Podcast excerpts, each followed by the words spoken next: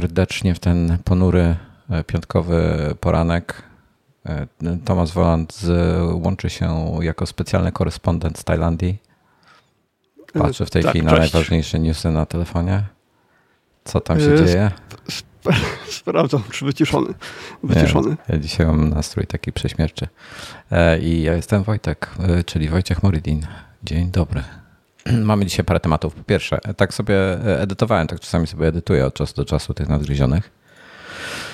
I tak sobie słuchałem siebie i tak, ja, i tak właśnie doszedłem do wniosku, że czasami, czasami ja taki, jestem taki skupiony strasznie w tym, co mówię i y, jak to zapisałem sobie, brzmię jak, y, uwaga teraz, zakryjcie uszy młodych. Serio? Dam wam trzy sekundy na to. Dwa, jeden. Brzmię jak kutas. A nie chcę Byłem tak ciekawy tego tematu. No. no. No bo tak jestem, tak, tak brzmią jak e, kutas to jest taka propos, to jest takie wieszadełko, żeby zasłonę przytrzymać. No to nie, nie ten, nie to drugie. I e, no i tak brzmią, a, ale to jest takie, wiesz, nieświadome, także nie przejmuj się tym, ty, zupełnie. No i to, to ty, tyle. Nie zwróciłem chodzi. uwagi. Wiem tylko, że dużo narzekamy na różne rzeczy. Oczywiście. To jest normalne. Jesteśmy pretensjonalni. Czat mi zniknął. E, cześć, A ja nie mogę sobie wyświetlić e, notatek znowu e, na o, komputerze, bo wyświetla mi, że hasło mam nieprawidłowe, mimo że wklejam z OnePassworda. Tak jest od czasu do czasu. Tylko w wersji online'owej się to dzieje. Mm, no więc będę zerkał do telefonu regularnie i tam będę miał listę tematów. Dobra. To dzisiaj mamy, to był follow-up. Zakończyliśmy go już. To było szybkie bardzo. I A, ja mam jeszcze bardzo szybki follow-up, to znaczy no, sprostowanie do tematu z ubiegłego tygodnia, okay. bo powiedziałem ci, gadaliśmy o Badkickerze, czyli tym urządzeniu, które trzęsie no, no, no. użytkownikiem, kiedy gra albo ogląda filmy. Ja no. ci powiedziałem, że nie musisz do tego mieć karty dźwiękowej. No i tutaj chciałbym sprostować. E, musisz mieć kartę dźwiękową, nawet jeśli korzystasz z telemetrii e, Flight Simulatora albo jakiegoś tam sim e, no, jakiegoś e, sim racera, nie wiem nawet jak to powiedzieć. Dobra. E, tylko po prostu wtedy ta karta dźwiękowa wypuszcza dźwięki z tej telemetrii, czyli no nie wypuszcza całego dźwięku e, z gry, ale mm, to nie musi być taka karta na USB czy jakakolwiek, tylko jeśli masz w obudowie jacka, takiego wyjście słuchawkowe, no to to już ci załatwia, załatwia temat, więc nie musiałbyś nic kupować. Ja mam hmm. wyłączoną tą kartę, wiesz? No to włączysz. Nie, ona ma kiepskie wsparcie w Hackintoshu, także nie, nie włączałbym jej. A, o to chodzi, okej. Okay. No, także e, hashtag nikogo, bo, e, bo już widzę, że BotKicker jest nie dla mnie za, zbyt skomplikowany, za dużo kabli, za dużo pierdół, nie chce mi się. Jestem zbyt okay. leniwy na takie tematy. E, musiałbym się bardzo napalić, żeby chcieć coś takiego podłączyć. Po prostu dla mnie to ma być proste jak budowa cepa. Mam podłączyć max jeden kabel zasilający, ewentualnie USB i koniec. No to to jest coś takiego, bo zamiast USB wpinasz tego jacka i, i jeśli nie chcesz korzystać z tej telemetrii, no to na tym się kończy twoja praca. No to już za dużo. Musiałem, bo kartę muzyczną okay. muszę kupić. Jakąś. To może być nawet na USB taka za 5 zł. No wiem. Wiesz, że mam wolnych portów USB w tej chwili? Mm, no wiem, że mam zajętych w tej chwili ponad 25. Ja mam, ja mam, pewnie nie może żadnego. Ja mam zero.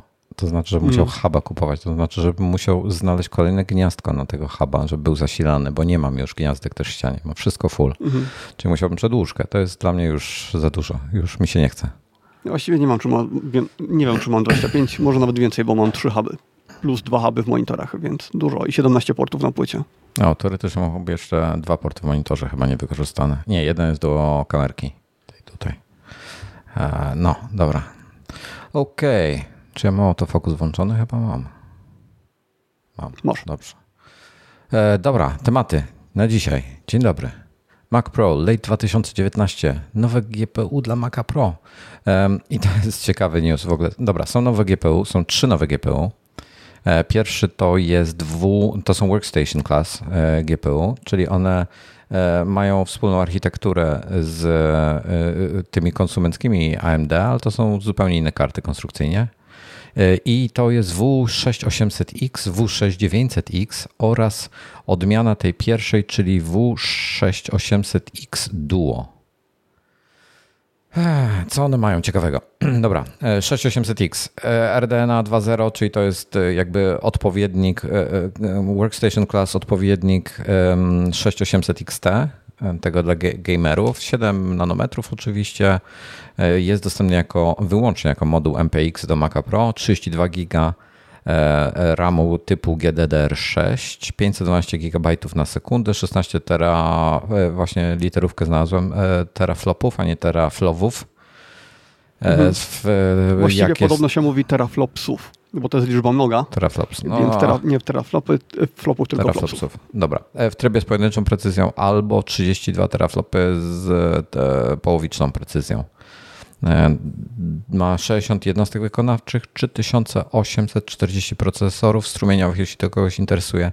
E, ciekawsze jest to, że e, po zamontowaniu tej karty Mac Pro zyskuje 4 porty Thunderbolt 3, 1 port HDMI 2.0, obsługuje do 6 monitorów 4K, do 3 5K i 3 Pro Display XDR. I można go połączyć z drugim takim samym, z taką samą kartą za pomocą Infinity Fabric Link, to jest ten Apple'owy Bayer. Cena 12 y, tysięcy, jeśli konfigurujemy z Maciem Pro lub 14 tysięcy. Złotych, e, tak? Czy dolarów? Złotych, złotych, w złotówkach podaję. I zanim zaczniecie przeklinać ceny, poczekajcie, jeszcze dojdę do cen. Następny W6900X, 6900X. E, taki sam jak 6800, ale trochę więcej ma mocy, ma 80 jednostek wykonawczych, 5120 procesorów strumieniowych i 22,2 teraflopów, teraflopsów e, z pojedynczą precyzją 44,4 z połowiczną. E, tak samo są 4 porty Thunderbolt 3, 1 port HDMI 2.0.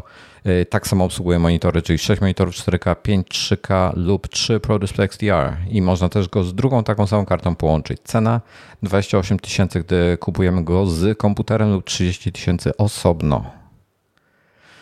Na koniec zostaje 6800X Duo, czyli to są de facto dwie karty e, w jednej obudowie, dwa, dwa razy 6800X, 64 GB RAMu GDDR6, czyli po 32 GB na e, GPU, 30,2 teraflopsów, 60,4 z połowiczną precyzją, 60 CU i 3. Te, te same e, statystyki, tylko co, co, co 6800X, ale razy dwa. Natomiast różni się obsługa monitorów bo obsługuje do 8 monitorów 4K, 4 5K lub 6 e, Pro Display XDR. To jest dziwne, że więcej tych 6K obsługuje niż 5K. Tak, tak, tak, tak. I można połączyć dwie, e, dwie sztuki, czyli w sumie byśmy mieli 4 GPU w komputerze, cena 25 tysięcy złotych osobno, 23 tysiące złotych w zestawie. I jako taką ciekawostkę podpowiem, e, bo ta karta czyli 6900 i dobra. E, ja bym chciał, tego nie zapisałem sobie, RX 6900 XT MSRP price. Zaraz wam powiem ile dla takiego gamera, czyli konsumenta kosztuje taka karta. Oficjalna cena, hmm, to nie była oficjalna cena. A może tutaj, tutaj będzie. Przepraszam, że tego nie sprawdziłem, ale nie pomyślałem, że będę o tym mówił, a pomyślałem o tym teraz i. Mhm, teraz sprawdzasz, którą tak najdroższą? Czy... E, tak, najdroższą. 6900 XT mhm. od AMD. E, zaczyna się od 1000. Oficjalna cena MSRP, czyli sugerowana przez AMD, to jest 999 e, dolarów. Czyli ta cena, która jest kompletnie nierealna obecnie. Trzeba ją pomnożyć razy 2-3. E, tak. E, ceny ostatnio spadają na szczęście, ale nadal jest dużo mhm. drożej. E, także oficjalna cena to jest 1000 dolarów dla tej karty. To jest ta cena oficjalna od AMD. Słuchajcie, dla W6900X cena oficjalna wynosi 5000 dolarów, czyli około 20 tysięcy złotych netto, licząc po średnim kursie, czyli około 25 tysięcy brutto. Czyli ona jest no, pięć, pięciokrotnie droższa. Czy Więc... odpowiednik takich gamerskich kart tutaj od NVIDIA to jest 3090 e, czy 3080? To jest chyba 90. E, no mniej więcej 90. Mhm. Oni tak się porównują, zależy. E, to jest tak, że w jednych tytułach 3090 jest szybsze, przy innych 6900 jest szybsze, więc różnie jest.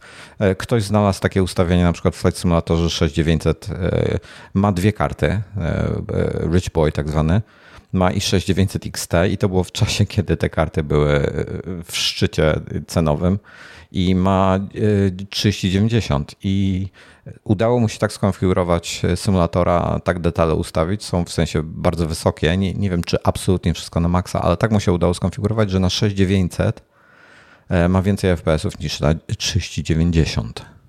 Mhm. A próbował wyciągnąć jak najwięcej z jednej i z drugiej. Tylko udało mu się i to chyba nie szczytowe FPS-y, tylko średnie FPS-y w trakcie całej sesji, jakby ma o ileś tam 5 FPS-ów więcej, czy coś takiego. Czyli 3090 w szczycie ma więcej FPS-ów, ale podczas gry, jak jest coś trudnego, to spada poniżej 6900. Także takie ciekawostki. W praktyce obojętnie.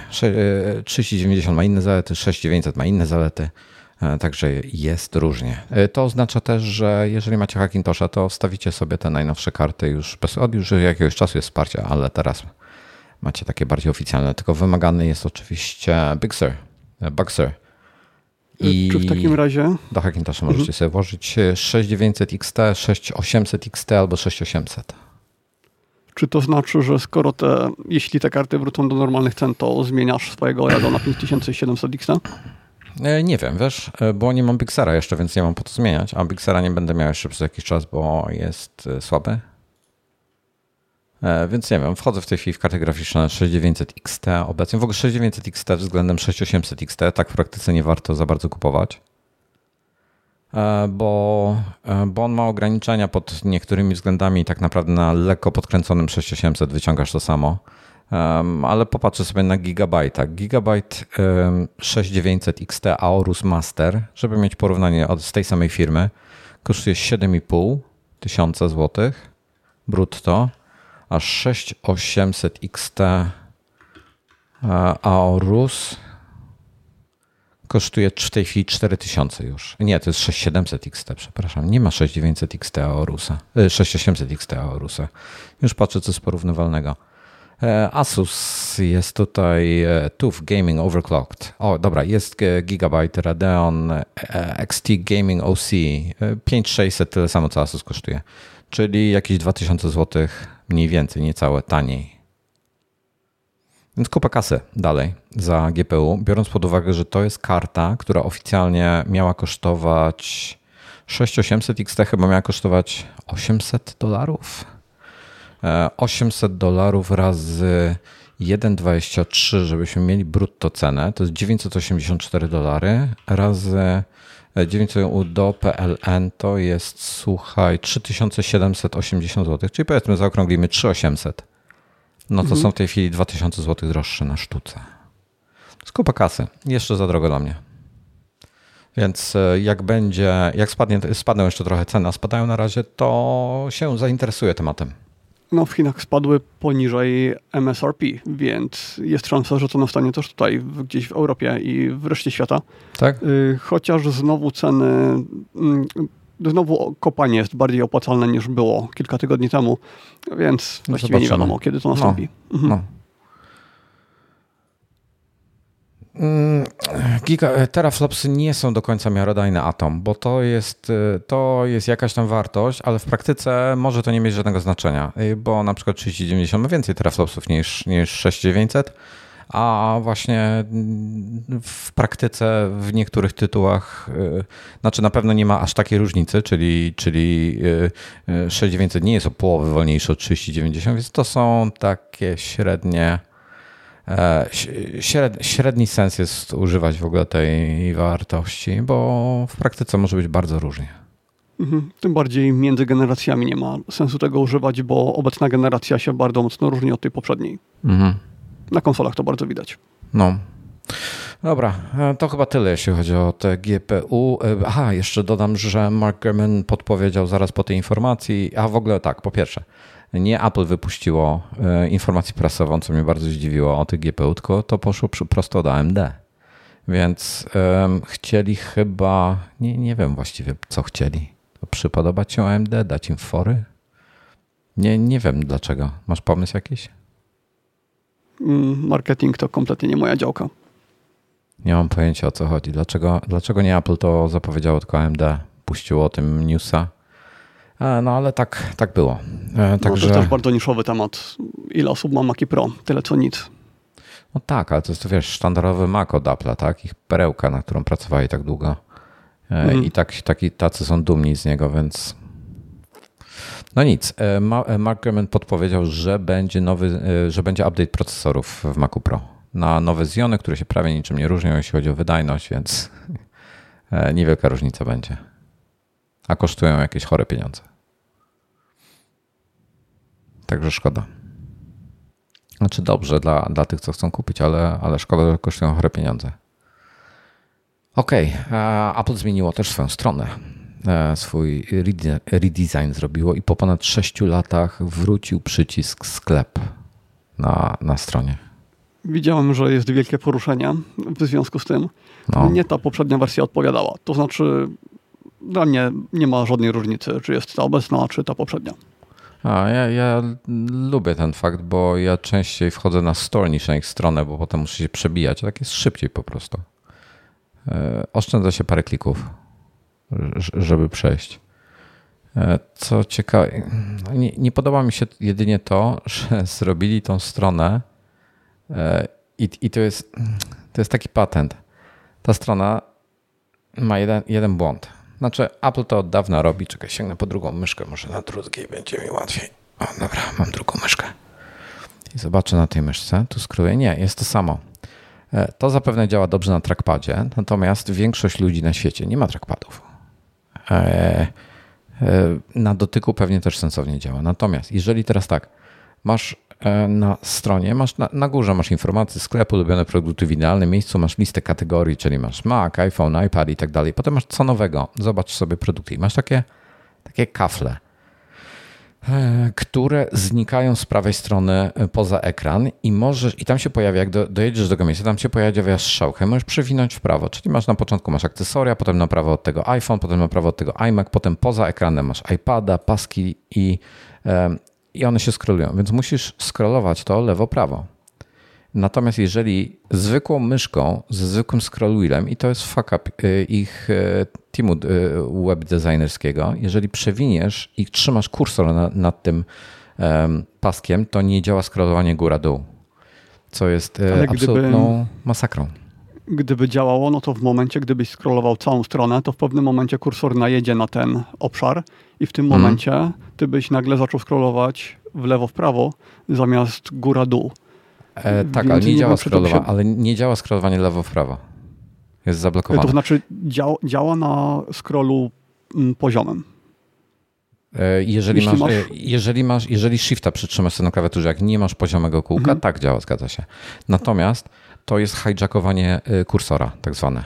Tego nie wolno ale... robić nie wolno hijackować zachowania kursora, bo użytkownik ma pewne oczekiwania i nie wolno tego robić po prostu. Jeżeli zaprojektowałeś coś, wymyśliłeś coś, że ci musisz hijackować kursor, żeby to pokazać, to znaczy, że źle to zrobiłeś. Ale na pewno tak jest, no bo tak. standardowa rolka normalnie służy do przewijania tak, góra-dół. próbuję to na dwóch różnych myszkach, jest dokładnie to samo.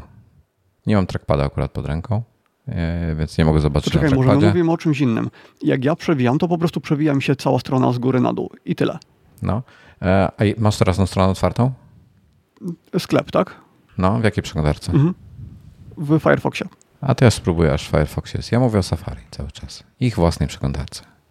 Tak, tak, tylko ja zrozumiałem, że ty narzekasz na to, że y, Chodzisz na adres... rolka nie przewija ci na boki. E, nie, nie narzekam na to. Na, narzekam okay. na to, że jeżeli kursor na, y, znajduje się nad tą częścią, co się przewija na boki, to rolka nie przewija góra-dół, przestaje przewijać. Aha, no to A, ja tego nie mam, to e, dlatego ci nie dobra, zrozumiałem. U w Firefoxie, okej, okay. w Firefoxie to działa, ale nie działa to w Safari. Więc oni w Safari zhijackowali to i to jest dla mnie niedopuszczalne. E, to jest e, błąd i to nie pierwszy raz im się zdarza. Okej, okay, no i przestaje przewijać góra-dół i zaczyna tak. na boki, czy Nie, nie zaczyna na boki. Musisz sobie shift przytrzymać, żeby na boki, albo okay. mieć boczne kółko, to, no to lewo-prawo. I to jest fuck up totalny ale ogólnie sklep jest fajny. Dużo wygodniej się go obsługuje na iPadzie, na iPhone'ie szczerze mówiąc, a, a poza tym mają aplikacje, także no, także tyle. Ale nie jestem zadowolony. Ja uważam, że to, to, uważam to za duży błąd. To, to, to jest kicha. Ale fajnie, że sklep, cieszy mnie to. Dobra. Next. Mhm. E, mamy nowe akcesoria do, do Maców, te nowe klawiatury, nowe, nowe akcesoria z iMaców M1 można kupić osobno. W jednym kolorze tylko, srebrnym są dostępne, z białymi klawiszami oczywiście. I jest ten nowy Magic Trackpad. On się niewiele różni od poprzednika, poza tym, że ma bardziej zaokrąglone rogi, co nie jest chyba plusem akurat, ale chyba, że, że chcesz, chce ktoś designem sobie dorównać. Jest w cenie 6, 650 zł, ma kabel USB-C do Lightning w zestawie. E, jest Magic Mouse nowe, mm, który również mam w zestawie. Nie, nie różni się wizualnie niczym, natomiast też w zestawie jest e, dodany ten przewód USB-C do Lightning. Dodam, że to jest ten e, taki przewód, który nie jest plastikowy, tylko jest um, braided. O Jezu, jak jest braided po powlekany? polsku? Nie, powlekany, taki Hmm. Plecione, o. Mhm. Nawet nie, nie wiedziałem, że Apple takie ma. A jak z kolorami? Są wszystkie kolory? Nie, nie, no, ty nie słuchasz mnie w ogóle. Srebrne tylko. Właśnie Aha, to okay. mówiłem sekundę temu. To, ja tutaj proszę Państwa, to jest kabel, który był dostarczony, nie pamiętam z czym.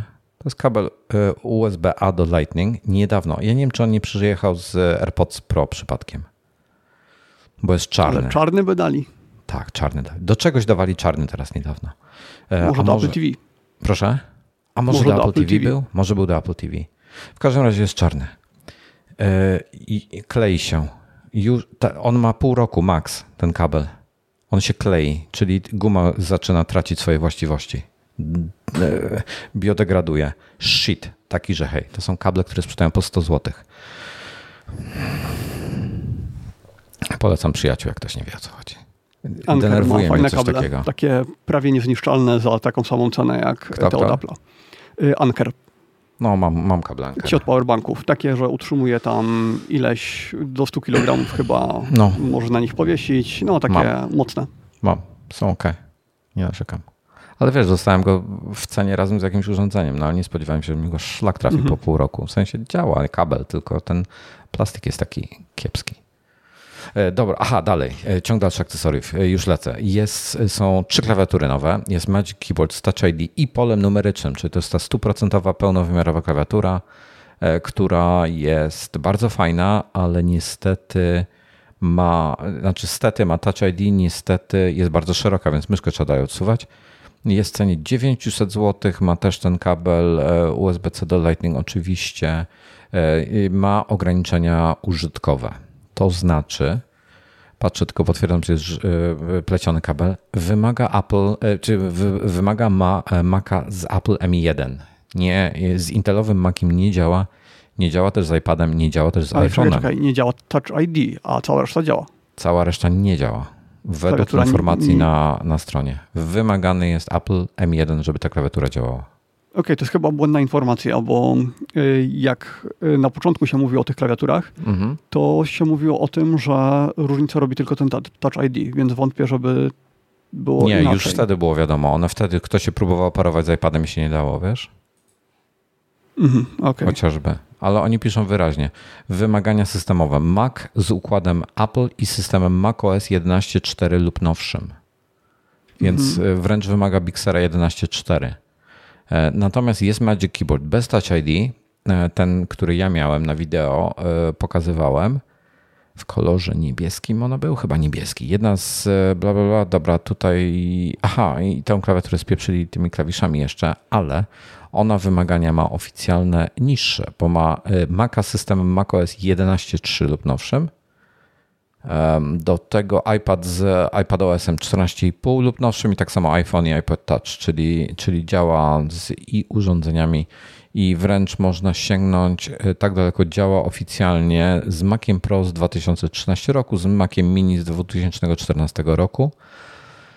A jeszcze wrócę na moment, wiesz co, zobaczę jeszcze co oni przypiszą, mając na myśli Max M1.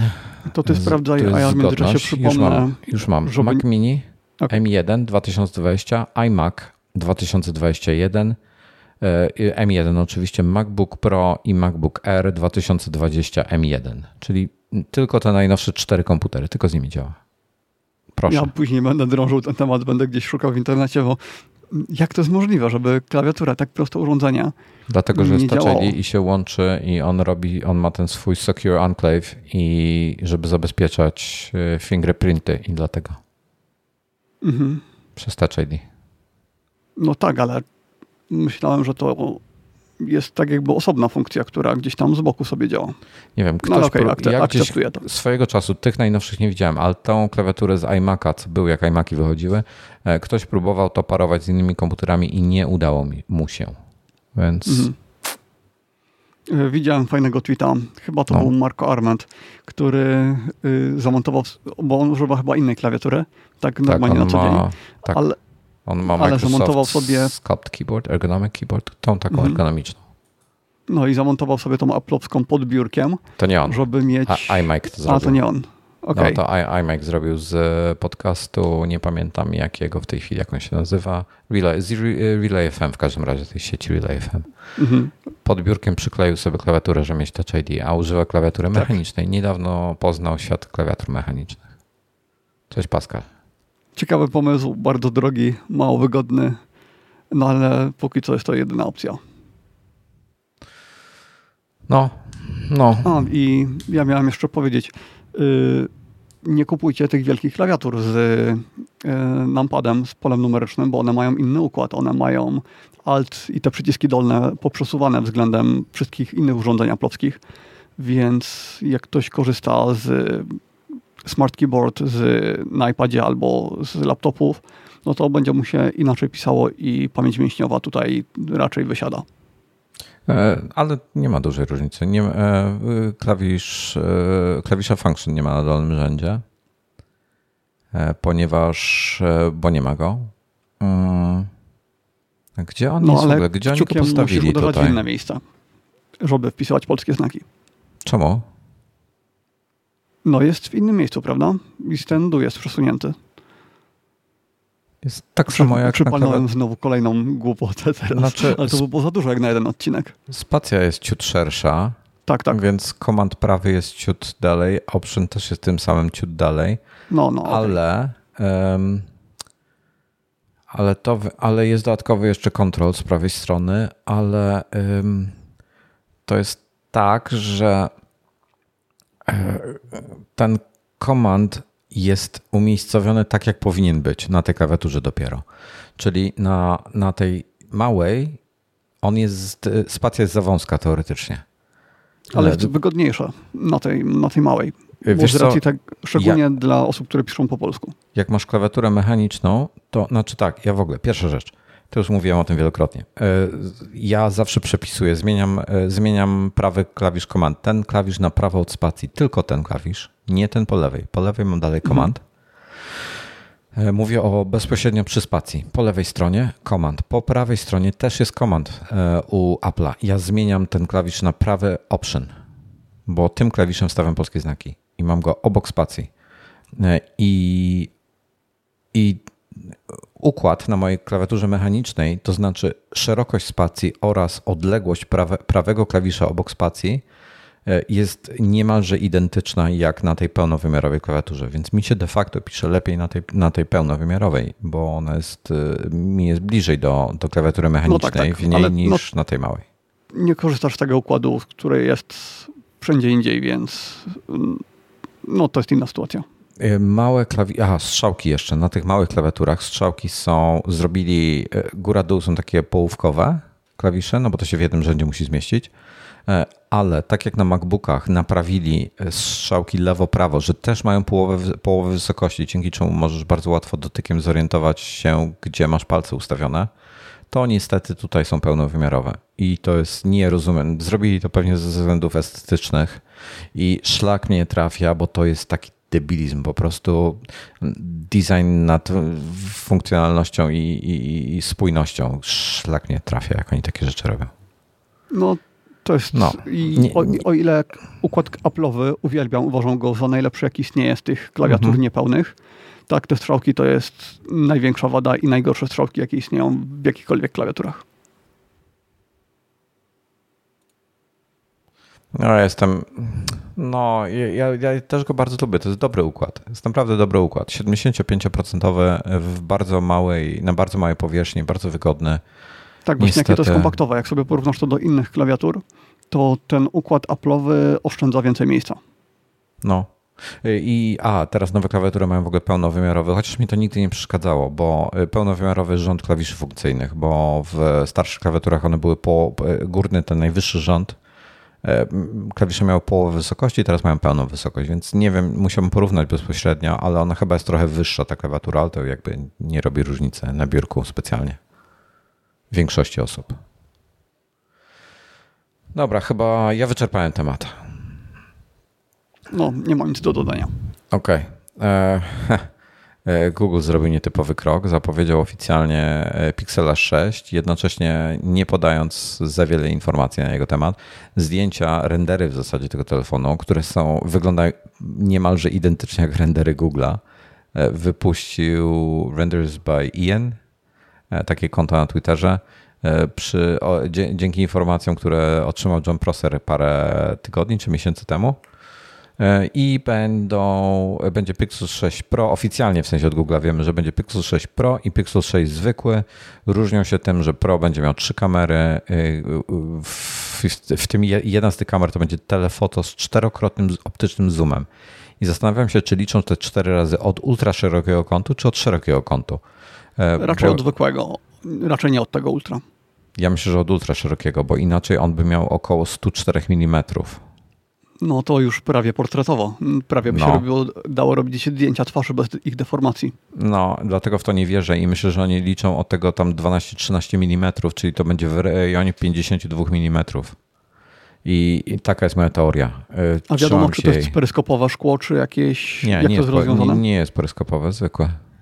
Mhm, no to te Trzy... cztery faktycznie ciężko byłoby zrobić. No właśnie. Albo to będzie ma, maciupka matryca i jakiś y, słaby obiektyw ciemny ale w to by nie poszli raczej. No, nie sądzę. Także zobaczymy. Bardzo chwalili, przede wszystkim rozmawiali o nowym e, chipie w środku, nowym swoim SoC, jest zaprojektowany, zaprojektowany przez nich.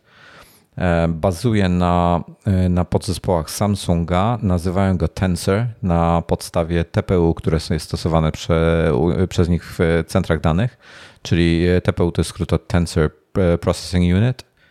I on został ponoć zaprojektowany przez Google'a. W środku, właśnie jak wspominałem, gdzieś mi się przewinęła informacja, że są komponenty Samsunga, czyli e, oparte jest o e, ich procesor, ich kartę graficzną chyba. E, no i sam SoC zawiera jeszcze układ Titan M2, czyli to jest ten odpowiedzialny za bezpieczeństwo, E, i e, mobilne mają TPU dla machine learning i AI, czyli coś jak Apple'owy Neural Engine, który jest w, w iPhone'ach i w iPadach. E, cena ponoć są premium, jakość jest ponoć super, nie odstaje od iPhone'ów, nie odstaje od Samsungów, jakość wykonania jest ponoć znakomita. Jak to powiedział Dieter Bond z The Verge, jest to, zapowiada się szklana kanapka klasy premium. E, wysoka cena ponoć będzie przekraczał 1000 dolarów. Mm, Pro ma mieć ekran 6,7 cala, czyli to będzie odpowiednik e, iPhone'a 12 Pro Max i e, Samsunga Galaxy, jakkolwiek tam się będzie nazywał, nowy Galaxy w wersji Ultra. 120 Hz ekran, QHD plus rozdzielczość i będzie, ekran będzie na brzegach lekko wygięty, że będzie zawijał się w kierunku ramki. E, I co jeszcze?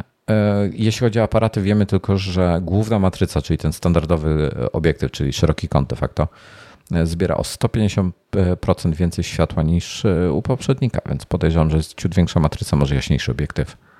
Mniejszy brat będzie miał 6,4 cala FHD+, 90 Hz odświeżanie, czyli nadal lepiej niż 60 Hz.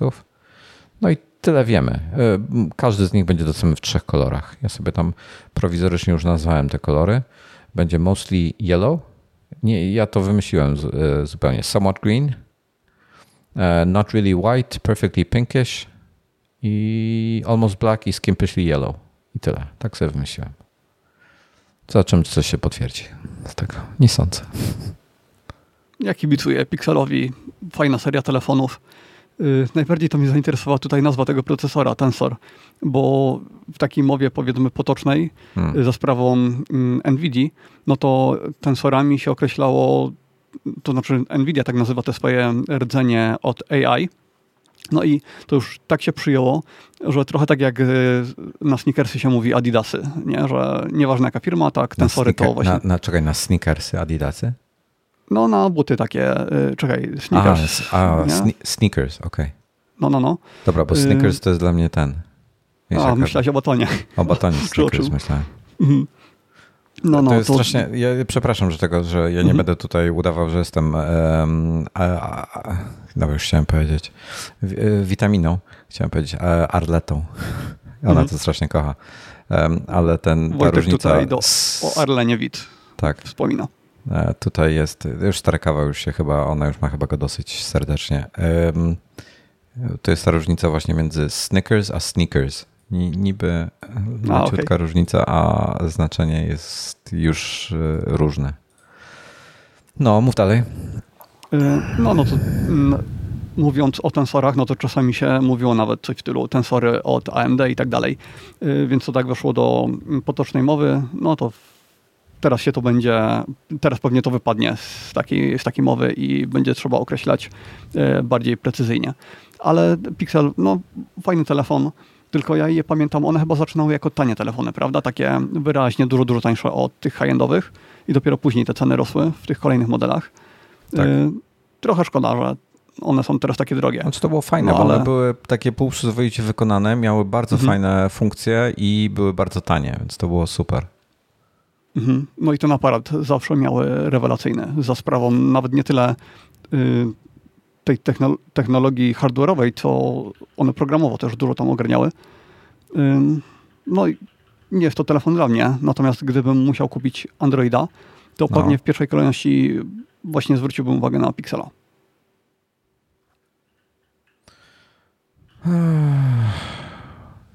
Ja nie wiem, co bym wziął, szczerze mówiąc. No jeszcze Samsung ma ciekawe. Ja, wiesz co, kiedyś, kiedyś była e, mm, kiedyś była fajna taka e, seria e, oficjalnych telefonów od producentów, od Samsunga i tak dalej, od jakichś, już nie pamiętam w tej chwili, jacy to producenci byli, jakiś, być może jakiś LG i tak dalej. E, I oni się no one się nazywały GPE, Google Pixel Edition. E, czyli miałeś telefon, właśnie na przykład miałeś Samsunga super wykonany z czystym Androidem bez żadnych bajerów. E, I jedni, i to była fajna alternatywa dla tych, którzy chcieli, e, i on był odblokowany, jeśli chodzi tam o, o bootloader i tak dalej, więc można było teoretycznie go sobie przeładować innym w ogóle ROMem, jakimś tam, jak on się teraz, Le, Legacy OS? Lin, lin, teraz jest ten taki... Pojęcia. Lineage OS? Eee, kurde, aż to muszę znaleźć, bo nie pamiętam. Eee, najpierw był CyanogenMod, potem on był zmieniony na Mówisz o jakichś takich przerabianych mocno wersjach, tak? Tak, i to jest na zasadzie oni brali ten open source'owy e, kod i, i, i go dostosowywali, rozbudowali go o fajne funkcje. To się w tej chwili Lineage OS nazywa. E, i Lineage OS i powiem Ci, co on wspiera, jakie on telefony wspiera, bo to jest ciekawe. Bo i tu jest problem właśnie z tym, bo to jest fajne. To jest to, że oni tam, e, e, ten telefon cię przynajmniej starają się, żeby ciebie nie śledził. Wiesz, co chodzi. Czyli on ma być bezpieczny, nie ma mieć na przykład googlowych aplikacji i tak dalej, i tak dalej. Ale na przykład, jakbyś chciał sobie to na Samsungu zainstalować, no to wspierany jest najnowszy Samsung z serii Galaxy, to jest wspierany S10 5G, S10 Plus, S10e i tak dalej. S10 już ma parę lat, mm, więc no, nie, nie wspiera to najnowszych, także osoby, które chcą mocno modować e, i, i były czasami na przykład OnePlusy, Najnowszy OnePlus, u 9 Pro e, dodali wsparcie. No dobra, to nie jest tak tragicznie. Nie wiem, jaki teraz e, OnePlus jest ten najnowszy jego, bo już mi wylatuje to z głowy za dużo tych kodów i cyferek i tak dalej. E, na Xiaomi można instalować na jakiś e, tej, tej serii My, na, czy tam Mi, na Redmi i tak dalej, i tak dalej. Także jest kupę telefonów, które to wspiera. Na LG-kach można, najnowsze LG to jest chyba V20, na jakim można to zainstalować. Więc oni tak specjalnie. O, ale bardzo ciekawa rzecz. Dopiero pierwszy raz to sprawdziłem. Można Lineage OS zainstalować na Pixelu 5. Aż na piątce. To jest, to jest w miarę świeży telefon, jakby nie patrzeć. Na 5A nie ma, chyba jest 5A, prawda? Pixel 5A? Mm, aż Pixel tak to 5A? ja nie siedzę, nie mam pojęcia. Już się gubię. Jest Pixel 5A. Ale nawet nie wiem, czy on wyszedd. A nie, nie ma jeszcze Pixela 5a. Spoko, on ma dopiero być. Dobra, good. E, czyli Pixel 5 jest wspierany, Pixel 4, 4 4a, XL i tak dalej są wspierane. Więc to jest fajny patent e, teoretycznie. Tylko, że się oczywiście... kupował Androida, to no. takiego, który byłby wspierany tym systemem, Ja bym tak? osobiście chciał zainstalować sobie Lineage OS, bo w tym momencie mam czysty system, który mogę sobie rozbudować i skonfigurować tak jak chcę. E, mhm. I nie jestem w żaden sposób ograniczony. To jest, w większości osobom nie polecam tego. E, to może powodować sporo problemów E, tak naprawdę bezpieczeństwo jest też e, kwestią dyskusyjną, bo cholera wie tak naprawdę, co tam w tym kodzie jest. Nie sądzę, aby był regularnie audyt tego kodu przeprowadzany. To oznacza, że tam to jest open source'owy projekt, tak? Teoretycznie każdy tam co może pozmieniać. E, coś, jak jest dobry jakiś programista albo zespół, to, to można coś pogrzebać. Czy modowałem swojego Nexusa? Miałem Nexusa 4. Czy ja go modowałem wtedy? Chyba tak. Chyba instalowałem na nim właśnie, e, to wtedy się nazywało Cyanogen Mod po polsku, ładnie mówię. No to to jest to, to, tego to ja pamiętam, czyli to jest ten sam system, tylko Teraz przebrandowany, tak? Lineage OS nazywa, tak. Okej, okay, no to to było bardzo znane. No, e, Cyanogen Mod. Mhm. No, a teraz jest, e, jest Lineage OS. I chyba go modowałem. On chyba miał zainstalowanego właśnie E, te, te, tą wersję i modowałem swojego HTC też, ale e, były jakieś problemy z kodem właśnie wtedy i on na przykład mi się przegrzał kiedyś i wypalił od środka, był w środku tak gorący, że się wypalił róg wyświetlacza. Tak w sensie mhm. wypalił, wypalił, że był czarny, nie, nie, nie działał. Cała reszta działała, ale ileś tam kilkaset pewnie pikseli nie działało. Było po prostu zjarane, fizycznie zjarane. E, także no, takie są zabawy i koszty niestety bawienia się tego typu systemami. Wtedy były, nie wiem jak jest w tej chwili, już od dawna nie tego, ale podejrzewam, że chciałbym mieć coś takiego. E, nie, nie chciałbym mieć, generalnie nie chciałbym mieć telefonu prosto od Google'a, bo on ci śledzi na każdym kroku i tyle danych zbiera o, o użytkowniku, że to jest absolutnie przerażające. Google'owe konkretnie piksele. Ale no. jakbyś to przepuścił, na przykład um, użyłbyś NextDNS albo czegoś takiego, co blokuje wszelkie trackery na poziomie już DNS-ów, to, to wtedy nie, niekoniecznie wszystko, no. prawda? Nie, on może, on może omijać teoretycznie. Mhm. E, popatrz się na przykład na, e, na macOSie, co jest dla mnie skandaliczne absolutnie.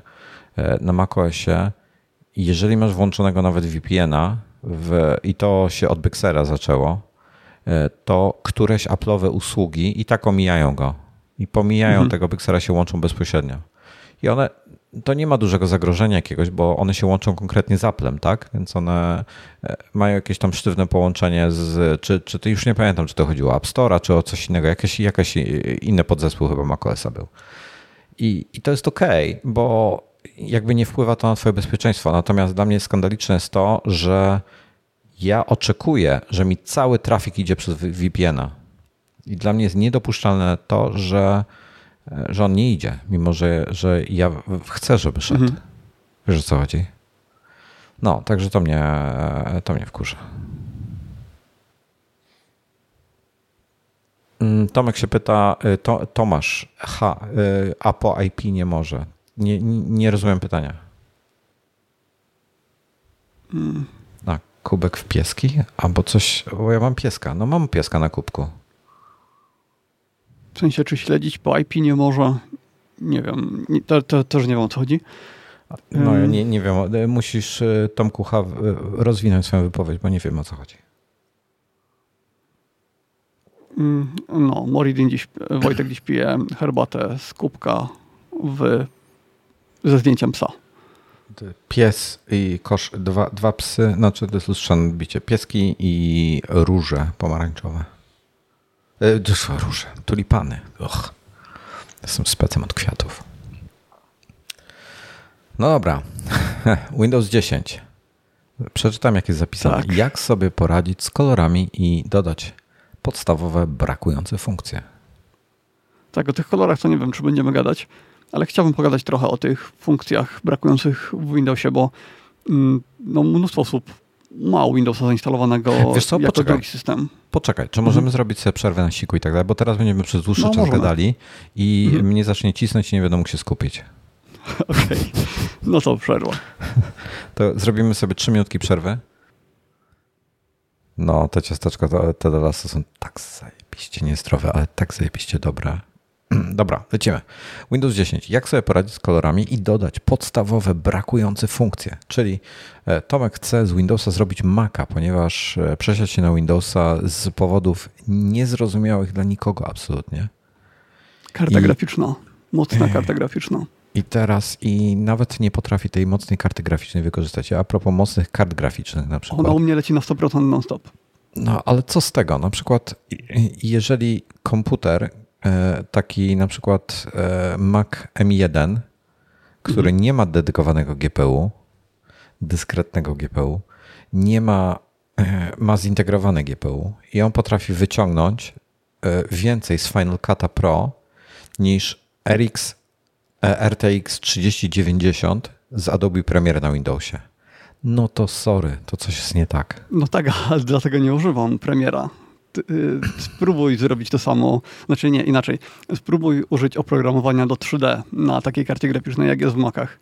Y, nieważne, czy to będzie Blender, czy to no. będzie Maya, y, czy Cinema, cokolwiek, 3D Max i tak dalej tam musisz mieć bardzo dobrą kartę graficzną albo procesor, który ma, nie wiem, tam 64 rdzenie i tak dalej. No teraz wszyscy przechodzą na GPU zamiast CPU, więc ten trend się utrzyma i Apple tam zostało bardzo mocno w tyle. E, poza tym to nie jest jedyny problem, że te GPU były słabe. E, drugim jest to, że to są AMD, a nie Nvidia, czyli mhm wiele programów działa dużo, dużo gorzej na AMD albo w ogóle nie wspiera wtedy renderowania graficznego i trzeba renderować procesorem. Więc no, nie miałem wyjścia i musiałem zacząć korzystać z tego Windowsa. Czy jest jakikolwiek benchmark, który porównuje 3D?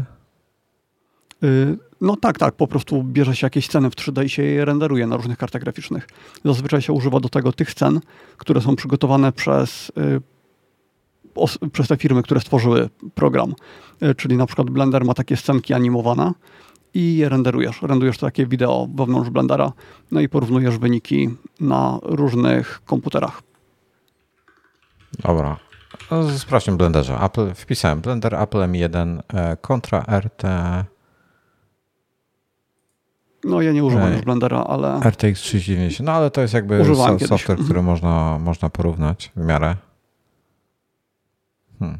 Nie, ma, nie ma żadnych. Nie, nie Raczej nie znajdziesz, bo nikt tego nie używa do takich rzeczy.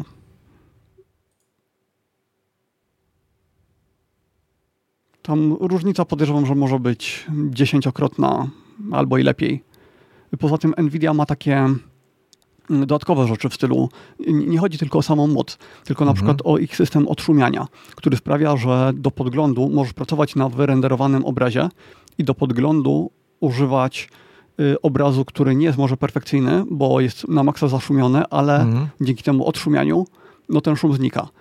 I widzisz, co na tym obrazku jest, kiedy normalnie musiałbyś go renderować kilka razy dłużej. Y, więc no jest, to, to nie chodzi tylko o czystą moc. Chodzi też o te wszystkie biblioteki, które tam są wspierane, o te instrukcje. Nie, biblioteki to chyba źle powiedziałem, chyba instrukcje bardziej. Mhm. Nie, tak, oczywiście. Natomiast jestem ciekawy po A, no prostu. I VR. E, co VR? Y, no, wykorzystuję to też do VR-u, do gier, hmm. gdzie DLSS robi niesamowitą robotę i gdzie sterowniki od AMD mnie trochę wkurzały. No, ale RTX-owe tak, tak patrzę też, strasznie ludzie przeklinają w tej chwili na ten, na RTX-owe sterowniki. Ja jestem zachwycony póki co. I bardzo mi się podoba to, że masz i studyjne sterowniki, i te do gier.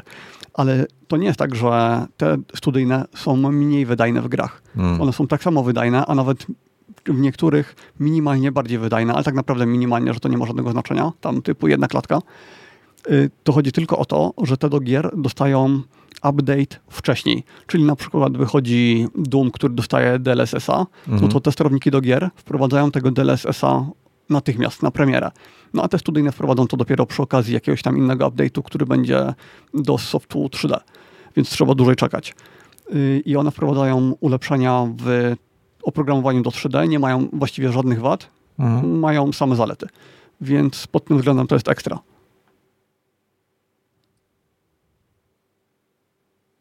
Dalej szukasz y, benchmarków? Tak, znalazłem jeden, ale tutaj taki dosyć wczesny jest niestety więc nie wiem na ile on jest e, aktualny. Są w jakichś gierkach. Gdzieś tutaj był jakiś blender, widziałem, podpowiadał. No ciekaw jestem, jak, on się porównuje w, w Blenderze.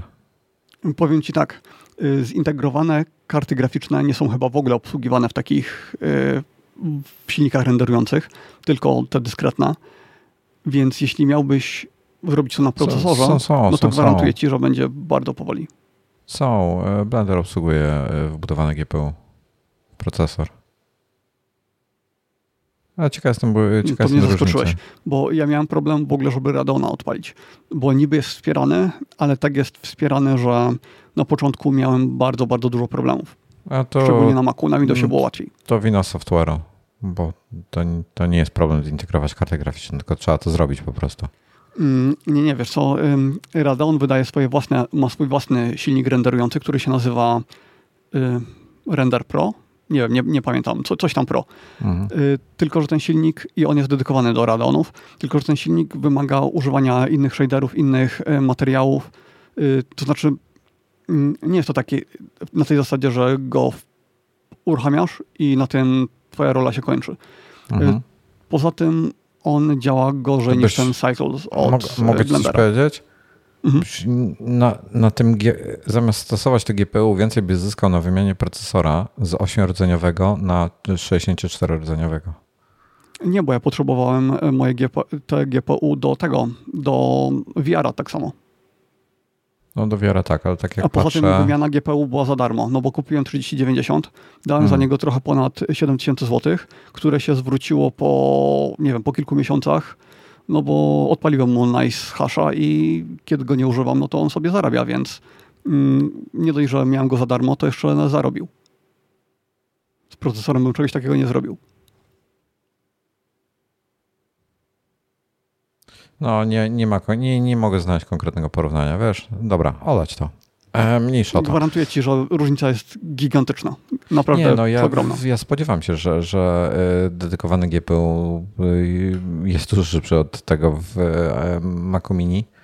E, no. powiem, powiem ci tak. Natomiast to zależy od zadania. W zasadzie w tej chwili, jeśli chodzi o tego typu rzeczy, to on tak naprawdę tylko 3D i tym podobne e, rzeczy. Nawet do M1 no jest na tyle mocna, że do, e, do wideo nie potrzebujesz mieć DGPU już. Ale powiem ci tak. Jak renderowałem na, na i9 9900K, to jeśli to był render w 4K, zajmował mi na tyle dużo czasu, że zostawiałem sobie to na noc, no albo wychodziłem z pomieszczenia, robiłem sobie jakiś tam wieczór filmowy, a w międzyczasie komputer renderował. Y, w tej chwili mogę to zrobić tak na poczekaniu, że moment i mam to wyrenderowane.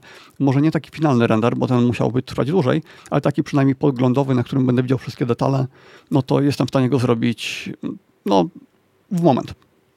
Dobra, to zaczynaj temat.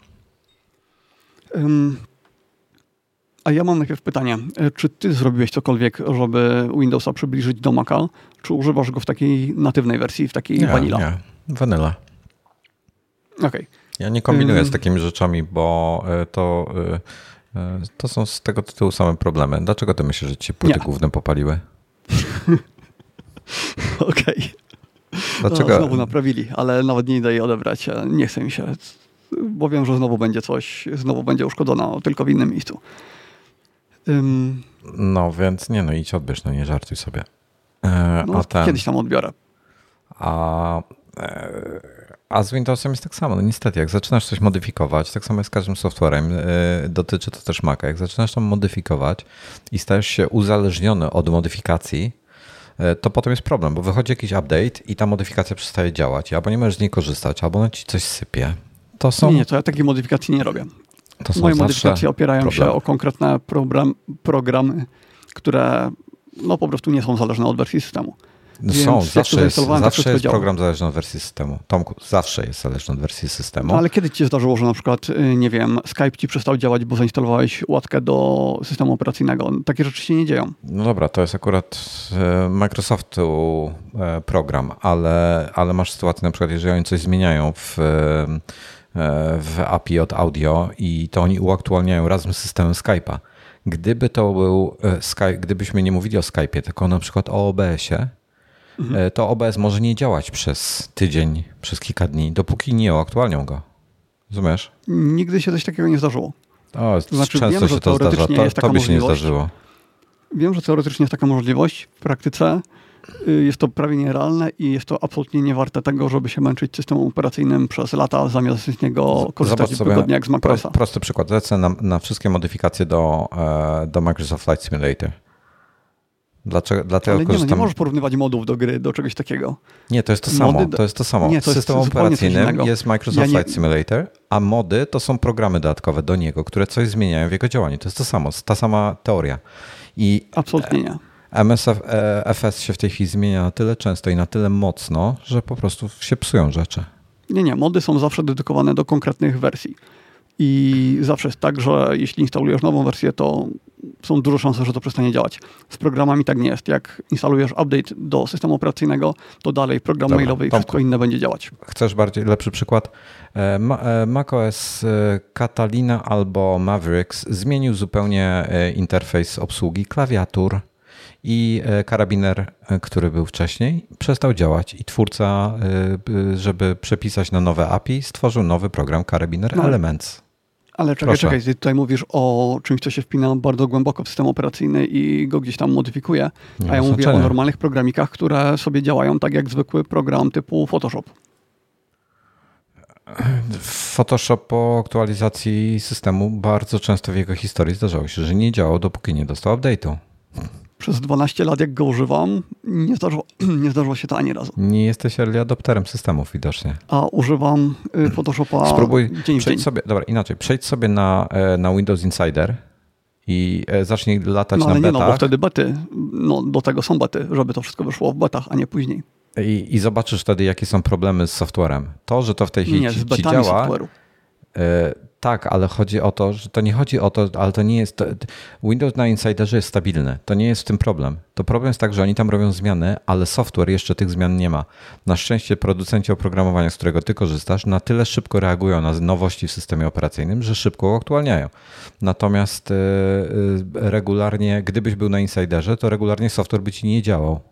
Nie, nie. Jeśli się trzymamy takiego oprogramowania, które nie wpina się gdzieś tam głęboko w system, tylko na przykład Photoshopa, to dzisiaj możesz uruchomić Photoshopa CS6, który ma, nie wiem, 12 lat albo ile i będzie ci działał e, na aktualnym systemie operacyjnym bez najmniejszego problemu. Każda jedna funkcja ci zadziała. Jedyne, co ci nie, może nie zadziałać, to akceleracja graficzna na nowych Photoshopach, a na starym też dalej będzie działała. W sensie na nowym ci nie zadziała, jeśli masz stanu kartę graficzną. Um, no, dobra, idźmy, no, do, dawaj, dawaj, idźmy dawaj. do tego tematu. Um, dla mnie. E, Adobe Photoshop C, Adobe cały pakiet C6 nie jest kompatybilny z Windows 10. Sorry. To jest oficjalna hmm. informacja od Adobe'ego. I nie można go zainstalować na Windows 10. Dalej. Mam linka, jakbyś chciał. Czekaj, spróbuję z tego jakoś wybrnąć. Na Macach działał. Na Macach mm. CS6 też nie działa już od wielu lat. Działa. Nie. Wersja 64-bitowa działa. Nie. CS6 już od dawna nie działa. W zeszłym roku instalowałem go specjalnie po to, bo aktualizowałem swoje akcje i chciałem zaktualizować też wersję dla CS6 i instalowałem go. No, oficjalnie Adobe mówi, że nie działa. I, nie, I co ciekawe, niektóre wersje CC 2015 też nie działają. Dobra. To może dlatego tak piszą, bo nie działa akceleracja graficzna na tych nowych y, kartach graficznych. Nie, problem, nie problem jest... nowych, z tych 2015 roku i nowszych. Tu, tutaj piszą, że problem jest z .NETem, problem jest z VC, Distributables i parę innych rzeczy. Mhm. Bo um, Adobe wymaga konkretnych wersji, a Windows 10 nie akceptuje tych wersji i automatycznie je usuwa. I automatycznie wszystko nie działa. E, działa no. Dreamweaver. No, Jakbyś chciał. Mhm. Dobra, mniejsza o to. E, e, lecimy z tematem, bo to, to... Tak. No to generalnie chodziło mi o to, żeby obsługa Windowsa była wygodna i żeby moje nawyki z Maca przeszły bezproblemowo na Windowsa. Czyli jeśli będę coś robił na klawiaturze, mhm. no to chcę, żeby skróty klawiaturowe zachowywały się tak jak w Windowsie. Chciałbym też używać trackpada, tego Magic Trackpad, jak on się nazywa, e, ten drugi. Magic, Apple Magic Trackpad 2, czy jakoś tak. E, więc chciałbym go używać i mieć przynajmniej jego podstawowe funkcje. E, chciałbym, żeby mi działało zastępowanie tekstu, i, czyli wpisuję jakiś wyraz i niech mi się zmieni na coś innego. I jedna z najważniejszych czyli zmian. Czyli mówisz o tej funkcji natywnej dla Maca i tak, iOS. Tak, zastępowanie okay. tekstu. Mhm. I chciałem też bardzo mieć coś w rodzaju Alfreda albo przynajmniej Spotlighta. Y, bardzo mi tego brakowało, bo Alfreda używałem i miałem tam porobione dużo własnych wyszukiwarek. Takich, y, od takich podstawowych w stylu, że wpisywałem A spacja, nazwa produktu i wyskakiwały mi rzeczy na Amazonie, ale miałem też wyszukiwarki z moich własnych stron, więc mogłem sobie wpisać y, maila mojego klienta i od razu wyświetlić sobie jego zamówienia bezpośrednio z tego Alfreda. Więc to były takie ułatwienia, które jeśli ich nie miałem, to marnowało to strasznie dużo mojego czasu na Windowsie, no bo musiałem odpalić jakąś stronę, musiałem wejść do panelu admina, gdzieś tam użytkownicy i tak dalej. I za każdym razem to musiałem robić. I znalazłem rozwiązania tych wszystkich moich problemów. I jeszcze strasznie mnie irytował eksplorator Windows, że nie ma tabów, nie ma, jak to się nazywa, kart, zakładki. Kart, no, no. No, mm, tylko że wszystko się otwiera w osobnych oknach. Straszne to jest. No i zrzuty ekranu były, były fatalne. Więc y, ja sobie to rozwiązałem w taki sposób. Y, najpierw klawiatura. I tutaj będzie trzeba zlinkować y, taki skrypt, który użytkownik jakiegoś tam forum zrobił. I ten skrypt rozwiązuje właściwie wszystkie problemy. Jeśli się ma klawiaturę mm, z Maca i się chce jej używać na Windowsie, to dzięki temu skryptowi ona będzie działała tak, jak to by była klawiatura Windowsowa. Mogę coś I... powiedzieć? Tak. E, to jest skrypt do AutoHotkey. Ja tego skryptu, ja ten skrypt testowałem, e, u mnie nie mhm. działał. Ale czy zrobiłeś to według instrukcji, czyli tak, zrobiłeś też w tak. to, co było powiedziane, że zamieniłeś tak, te tak, przyciski tak, w SharpKeys? Tak, tak, tak. Co to jest o, niemożliwe robić, to mnie, nie działało. U mnie to nie działało. Zrobiłeś restart? Tak, oczywiście. Okej. Okay. Mm, no nie spotkałem się jeszcze z przypadkiem, żeby kogoś to nie działało. Ale... Jest, jak poszukasz sobie e, AutoHotkey Script Not Working, coś tam właśnie, mhm. coś w stylu um, nie pamiętam tam jaki zwrot używałem, żeby znaleźć te, na ten temat, konkretnie na temat tego skryptu, e, to, to jak się okazało, sporo osób ma z tym problem. Okej, okay, no ja po prostu to zainstalowałem, wrzuciłem do AutoHotkey. AutoHotkey to jest w ogóle fajny program, on pozwala co on pozwala? Zautomatyzować mnóstwo czynności na klawiaturze. Mhm. Mm, natomiast ja go nie używam. Ja go używam tylko do tej jednej rzeczy. Y, I trzeba zainstalować AutoHotkey i jeszcze jeden, i jeszcze jeden program. Mm, I to może być na przykład e, Sharp Ale nie musisz X. mieć Sharp Keys. Możesz, wystarczy, jak masz klawiaturę e, e, programowaną, to zamienisz na klawiaturze programowanej. Ale nie, nie mówimy o klawiaturze makowej, że ten skrypt jest do klawiatur makowych. A, okej. Okay. No. A ty testowałeś na makowej czy na e, tej? Mm, nie, nie, nie makowej nie mam. Mechanicznej. Na mechanicznej. No to jak testowałeś na mechanicznej, to ci nie mogło działać, bo klawiatura mechaniczna jest w trybie... Mm, aha, czekaj, ale masz tryb i Windowsowy i makowy na niej? Zdefiniuj tryb. No na przykład w Kichronach możesz sobie przełączyć tryb i wtedy przyciski tryb, zmieniają swoje funkcje. Ale to, to ja nie mam trybu jako takiego, ja po prostu przeprogramowałem sobie klawisze. Okay, i żeby były ty... jak w Windowsie. No nie, nie, żeby ten skrypt działał. Właśnie on jest po to zrobiony. E, on, Przy, skrypt... Znaczy, e, przepraszam, jak w Macu. Ja mam zrobione klawisze jak w Macu. Mhm. Więc e, i wiesz, powinno wszystko działać, tak? Mm. No, raczej tak.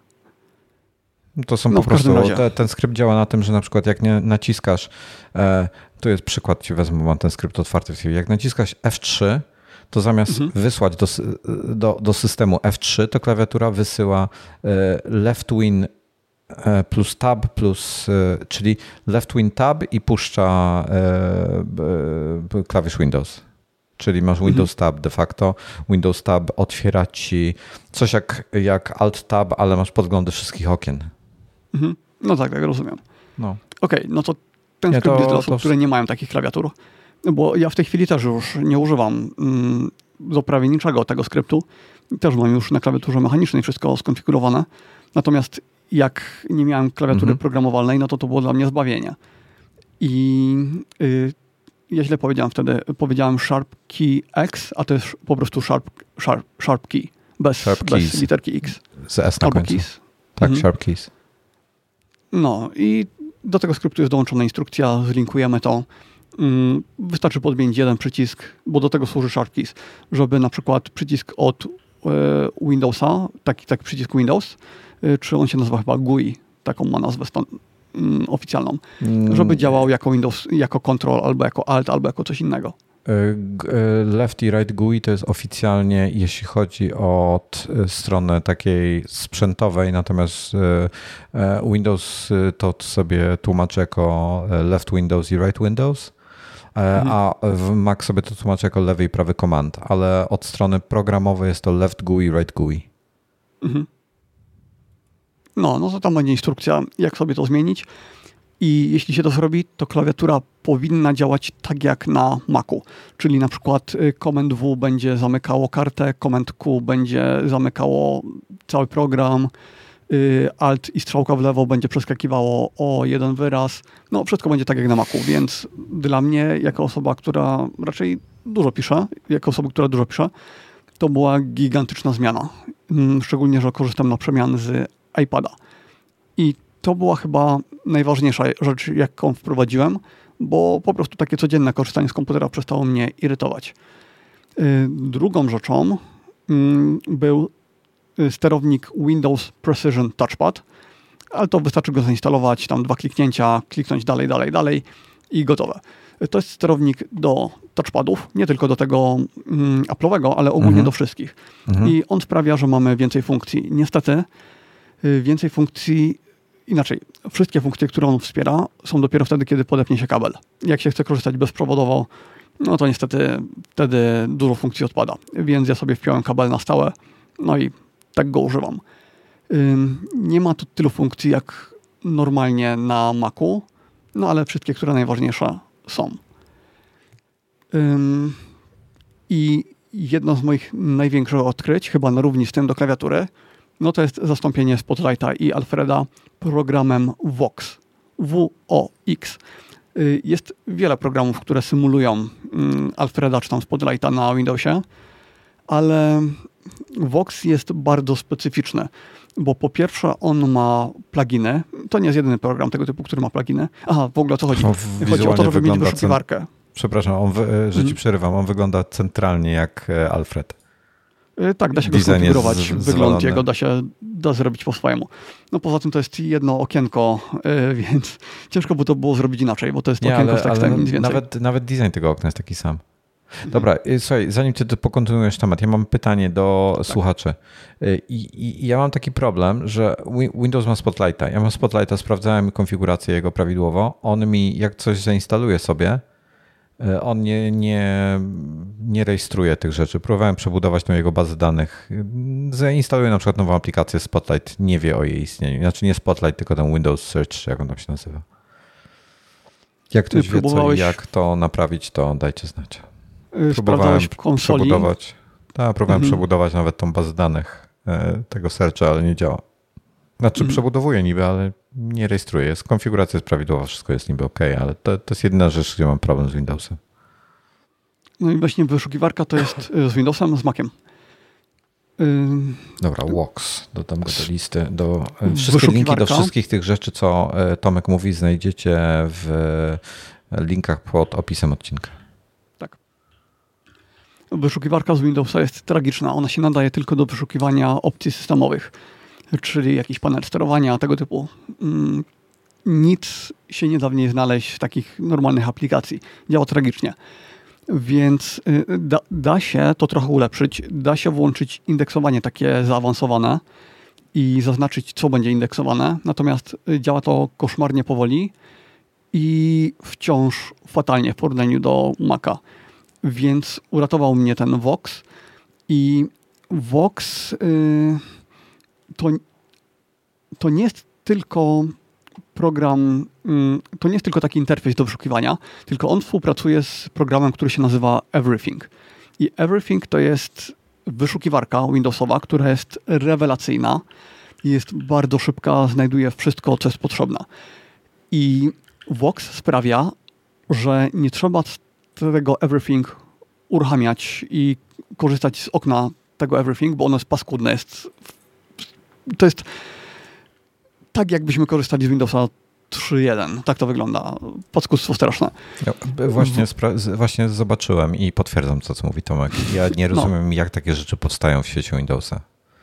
No, ale dzięki Voxowi nie trzeba tego w ogóle oglądać, bo dzięki Voxowi wpisujemy wszystko tak, jakbyśmy korzystali ze Spotlighta, ale wyniki wyszukiwania będą rozbudowane o wszystko to, co Everything znajdzie.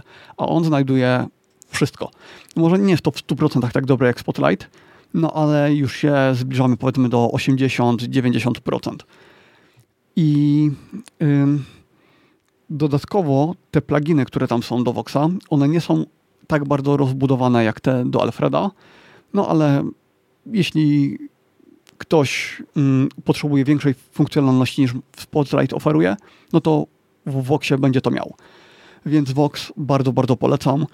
Yy, uczulam, żeby nie próbować trybu Y, portable y, mobilnego, przenośnego, y, dlatego że on mi wykasował wszystkie ustawienia i później nie mogłem, nawet jak zainstalowałem Voxa ponownie, to nie mogłem sobie skonfigurować moich dawnych rzeczy, bo wyskakiwał, że już jest taka konfiguracja zrobiona, A więc nie mogę jej zrobić jeszcze raz. Tryb portable w czym? W Everything czy w Voxie? W Voxie. Okay. No, podejrzewam, że miałem pecha i że to nie jest tak, że to się zawsze dzieje, no ale strasznie dużo problemów mi to przysporzyło, przysporzyło i ja musiałem odszukać ręcznie wszystkie pliki Voxa, wszystkie pliki y, Everything, nie, ty, tylko Voxa, no i usunąć je gdzieś tam z folderów systemowych. I dopiero wtedy musiałem zainstalować jeszcze raz, no i już wszystko było ok. Ym, no, Vox obowiązkowo, ty też instaluj. Ale koniecznie z Everything. Bez Everything to, to się mija z celem. Ja, ale, ale po co mi to? Powiedz mi, po co mi to? Mm, no bo nawet jakbyś chciał uruchomić, nie wiem, korzystasz z tego jako konsoli do gier z PC-a, prawda? Tylko i wyłącznie. No, no to nie musisz odpalać Steama, tylko wyszukać ci wszystkie nie, gry, które masz zainstalowane. Nie, nie odpalam Steama. Okej, okay, nie potrzebujesz. Nie, nie. Ja no mam dobra. wszystko, ja mam zrobione na Windows. Aha, no ty masz tak na, mało gier, że masz skróty na Windows, na Windows Start Menu mam po prostu zrobioną taką siatkę 15 e, kafelków i tam mam mhm. porobione serię aplikacji, czyli w tej, mam w tej chwili skonfigurowane przede wszystkim pod e, Microsoft Flight Simulator. E, a do Steama mam po prostu ikonkę na doku, na, nie na doku, na taskbarze na dole. I po prostu klikam prawym i mam listę gier. I mhm. wybieram sobie grę. A mam mało gier, więc nie mam problemu z tym. No, dobra.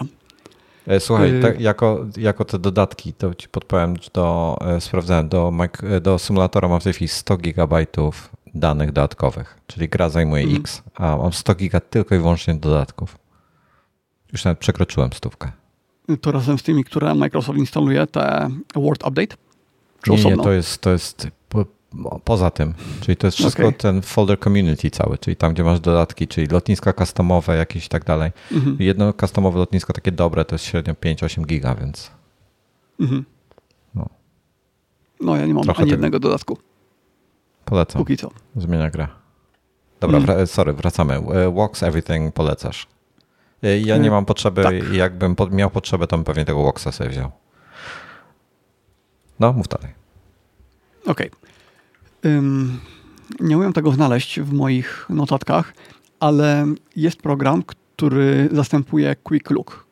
Quick Look się to nazywa, ten taki szybki podgląd, że jak się kliknie spację na czymkolwiek, o Jezu, no to... mia miałem to kiedyś zainstalowane, miałem z tym jakieś problemy na Windowsie, to wywaliłem. Nie pamiętam, jak to się nazywa w tej chwili.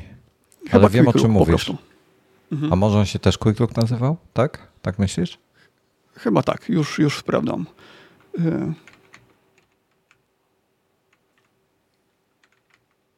Tak, Quick Look, po prostu Quick, A, po prostu. Quick Look. On był w Windows Store chyba, z tego co pamiętam, normalnie dostępny. Nie trzeba było tam gdzieś go instalować z jakichś dziwnych miejsc.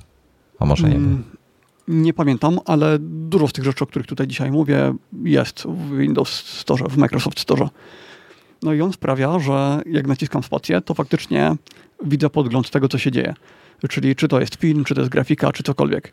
No i działa to fajnie, działa z mnóstwem y, formatów, z mnóstwem plików.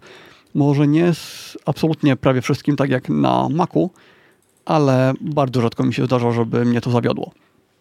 I co bardzo ważne, działa to też z alternatywnym y, Explorerem y, plików, bo ten standardowy mm, Explorer, Explorator z Explorator się, chyba się to nazywa standardowo. Tak, Windows mm. Explorer jest po angielsku, po polsku jest Explorator Windows. No to ma dwie wady. Po pierwsze jest potwornie brzydki, y, po drugie y, nie ma zakładek. No to o czym mówiliśmy na początku, czy tam kart. I jest program, który się nazywa Files. Y, też pewnie ciężko go będzie znaleźć, więc też będzie link do tego. I Files po pierwsze działa, po pierwsze wygląda ładnie, no po drugie ma zakładki, karty. I niestety, żeby nie było zbyt pięknie, to, to jest tak, że on nie nadpisuje tego oryginalnego programu, tylko jest osobną aplikacją, czyli uruchamiasz sobie to tak jak każdy zwykły program. Co za tym idzie, jeśli masz w jakimś programie, nie wiem, w Photoshopie, gdziekolwiek, okna zapisu albo otwierania plików, no to tam cały czas jest to standardowe okno eksploratora, a nie to e, Files. Więc to jest wada mm, całkiem duża, no bo w tym Files możemy sobie porobić jakieś ulubione foldery, tam z boku poprzypinać sobie to wszystko, czego używamy. Chciałbym podpowiedzieć, że w Windows e, Exploratorze też to może zrobić. E, jest tak, funkcja, i, która się tak, nazywa tak, quick, quick Access. Y, tak, i jeśli używa się tego Files, to trzeba pamiętać, żeby te wszystkie rzeczy później przypiąć jeszcze raz w, eksplorator, w eksploratorze, żeby mieć do nich dostęp znowu z tych programów, e, więc no, trzeba robić dwa razy. Przerywa cię troszkę teraz, gdybyś... Mhm. Już Dobra, chyba próba jest mikrofonu, raz, dwa, raz, dwa. Już jest chyba ok. Um, Ale y, to, on... to jest przykład, ja ci to, to wejdę ci słowo. To jest mhm. przykład e, aplikacji, z której ja już bym nie korzystał. Już wolałbym eksploratora mieć. E, po to, żeby nie mieć tego rozróżnienia i nie musieć zarządzać tym samym w dwóch różnych miejscach. Więc wolę już w tym momencie eksploratora. Mhm. Dlatego do Findera no, na przykład nie 11. używam też. Teraz cię nie słychać w ogóle, Tomku. Na Windows 11 część Raz, dwa, raz, dwa, raz, dwa. Teraz słychać. Ja sobie odświeżę Ninja może, tak na wszelki Nie, wypadek. nie, nie rób tego. Rozwali okay. mi nagranie. Y, teraz ciebie przerwało, więc to chyba jest Ninja. No, możliwe. Y, rozwali nagranie, nie odświeżę Ninja. Dobra, dajcie znać na czacie, czy przerywa nas też tam mm, na audycji, czy tylko lokalnie. Bo my mamy podgląd transmisji taki okrojony o jakość, więc może działać inaczej. Dobra, i w każdym razie wracając do tematu Files, mhm. ja już bym nie korzystał z Files. Z tego powodu, bo rozwojenie jaźni dwa różne aplikacje, musisz zarządzać nimi osobno y, i nie można się pozbyć eksploratora w 100%, więc dla mnie to odpada. Ja po prostu. Y, nie, nie mhm. to, to nie jest kwestia tego, no, że to jest Windows. Na Macu tak samo bym. Kiedyś były, był taki program obok Findera, który zastępował jakby Findera i też ulepszał go. To było dawno temu już i też przestałem z niego korzystać, bo y, z tego samego powodu dokładnie. Niestety Files ma jeszcze większy problem. On się potrafi wywalać, potrafi się crashować. Jeśli jest folder, który zawiera bardzo dużo danych, bardzo dużo plików, no to wtedy zawodzi i wtedy wiem, że ok, to w takim razie muszę użyć tego prymitywnego eksploratora, więc y, jest to wadliwe, natomiast z wszystkich aplikacji tego typu jest to jedyna, którą znalazłem, która wygląda ładnie, której się używa w taki sposób mocno makowy. Mm, ale w dalszym ciągu inaczej. W dalszym ciągu szukałbym alternatywy, mhm. ale Windows 11 nie będzie już tego potrzebował, bo Windows 11 będzie miał dużo lepszą przeglądarkę folderów, więc ten problem odpadnie. Zrzut ekranu. E, czy ty używasz natywnej aplikacji na Macu, czy używasz czegoś lepszego? E, natywną. Na Windowsie też ogarnia natywną. Mhm. Czyli Windows 3 no S. Tak, tak. Ja Albo używałem kiedyś natywnej. Natomiast później w setupie się pojawiła aplikacja Clean, y, nie, tak, y, Clean Shot X. I wtedy, y, jak poczułem, jak dużo, jak bardzo można ulepszyć robienie screenshotów, no to nie byłem w stanie wrócić do tego standardowego już. Po prostu przy, przyzwyczaiłem się do wygody i brakowało mi tego na Windowsie, więc na Windowsie szukałem alternatywy i znalazłem program, znaczy testowałem różne i ostatecznie został ze mną ShareX, ShareX, pisane mhm. razem. W ogóle większość tych rzeczy, o których tutaj mówię, to jest na zasadzie, że testowałem mnóstwo różnych rozwiązań, aż w końcu udało mi się znaleźć e, coś, co ze mną W ogóle ciebie nie słychać w tej chwili, Tomko. Okej, okay, a mamy info... Aha, na czacie Już. jest info, że to tylko u nas. Oni nas słyszą, dobrze. Znaczy oni nie mogą nas słyszeć, bo jeżeli ja nie słyszę ciebie, to znaczy, że ja nie transmituję tego na YouTube'a. Nie, nie, nie, bo w Ninja ten, y, to co może w reżyserce, to jest y, taki podgląd w innej jakości, w gorszej jakości. Ale ja, ale ja ciebie słyszę przez OBS-a. Mm. Rozumiesz? Mm. Mi na OBS-ie twój, twój mhm, tak, pasek tak, tak, głośności przestaje działać, więc on nie może iść na YouTube'a. No dobra, ja bym nie, jednak nie, odświeżył, ale skoro nie chcesz... Nie, bo rozwali mi potem na montaż, wiesz? Będę siedział godzinę potem, żeby to zmontować. I tak chyba dzisiaj tego nie złożę. No ale dawaj, dawaj dalej. Bo to Share potem będzie, w podcaście będzie słuchać prawidłowo. Kolejna osoba mówi, że słyszy normalnie. Okej. Okay. A może ty na jacku ze słuchawek coś masz? Nie wiem, weź nim pokręć. Nie, nie sądzę, bo inne dźwięki są ok. Mm, Klementyna jeszcze raz potwierdza, że słyszy. No dobra, to ja sobie tutaj będę, będę gadał dalej. Ym, Wojtek kombinuje i kolejna osoba na czacie potwierdza, że wszystko ok. Ym, to jest program, który ma zdecydowanie za dużo funkcji. To jest jakiś gigantyczny combine. Też wygląda jak na Windowsa y, 3.1 no ale ja potrzebuję go używać tylko ze skrótem klawiaturowym i potrzebuję, żeby mi zapisywał w jakimś folderze pliki i żeby je kopiował od razu do schowka i ewentualnie wyrzucał gdzieś tam od razu do chmury. No i ShareX działa mi bardzo, bardzo dobrze. Dzieli zrzut ekranu w folderze na konkretne miesiące, więc jest je łatwo znaleźć. Można wybrać różne formaty zapisu. No, wszystko, co jest potrzebne, to tam jest i dużo, dużo, dużo więcej funkcji. Jest też taki program, który się nazywa PowerToys i on jest od Microsoftu.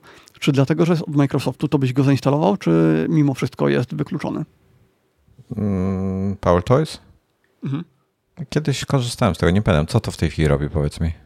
To no bo to był ten... program, który tam 15 lat temu chyba był.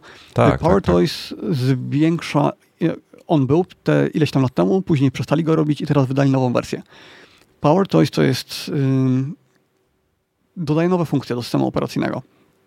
Na przykład y, funkcja, której ja używam, dzieli ekran na różne obszary i ty sobie możesz sam podzielić ten ekran.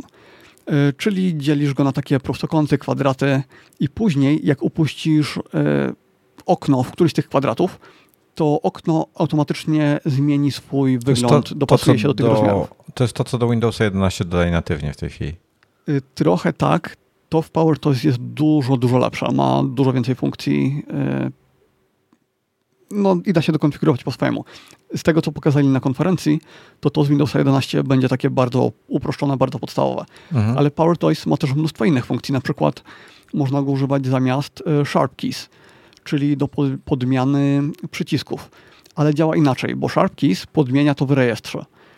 Więc yy, nawet jeśli program nie działa, to przyciski i tak się zachowują inaczej. Natomiast PowerToys musi być uruchomione, żeby ta podmiana przycisków działała. No nie jest to problemem, natomiast to jest ta główna różnica.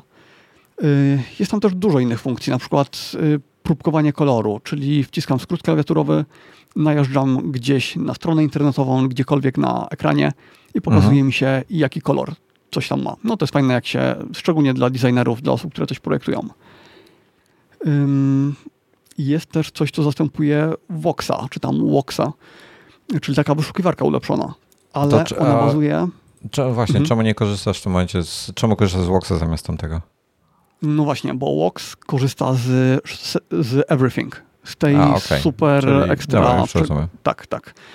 A mm, ta Windowsowa, ta PowerToys, ona korzysta z tego zaawansowanego indeksowania w systemie operacyjnym. Czyli wyświetla się informacja, że trzeba gdzieś tam wejść y, do systemu operacyjnego, do opcji, pokazuje się, gdzie trzeba wejść, y, trzeba zaznaczyć tą opcję indeksowania zaawansowanego i wtedy ona będzie działała na pełnych obrotach. Mhm. Nie warto tego robić. Jest to naprawdę bardzo, bardzo słabe w porównaniu do, y, do Voxa. Bardzo, bardzo słabe.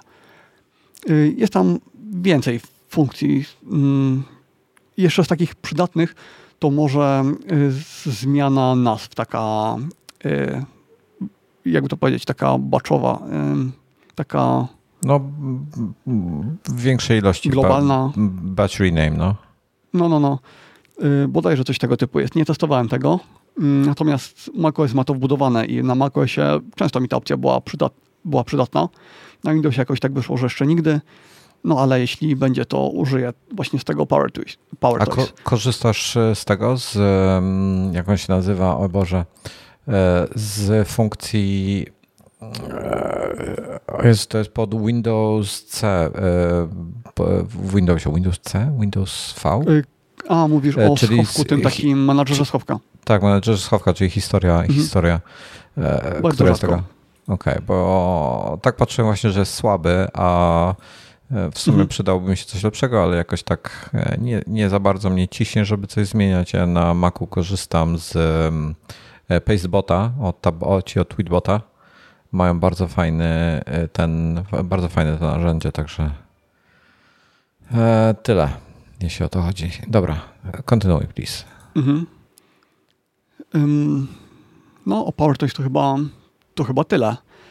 Y, posek zadań sobie zmieniłem, natomiast to jest w przeciwieństwie do wszystkich innych opcji, które bardzo poprawiają użyteczność systemu, to tutaj zmieniłem tylko wygląd tego paska, czyli żeby ikony mieć na środku, a nie z lewej strony, bo jak mam kilka monitorów, to strasznie mnie irytowało to, że te ikony są zawsze wyrównane do lewej strony.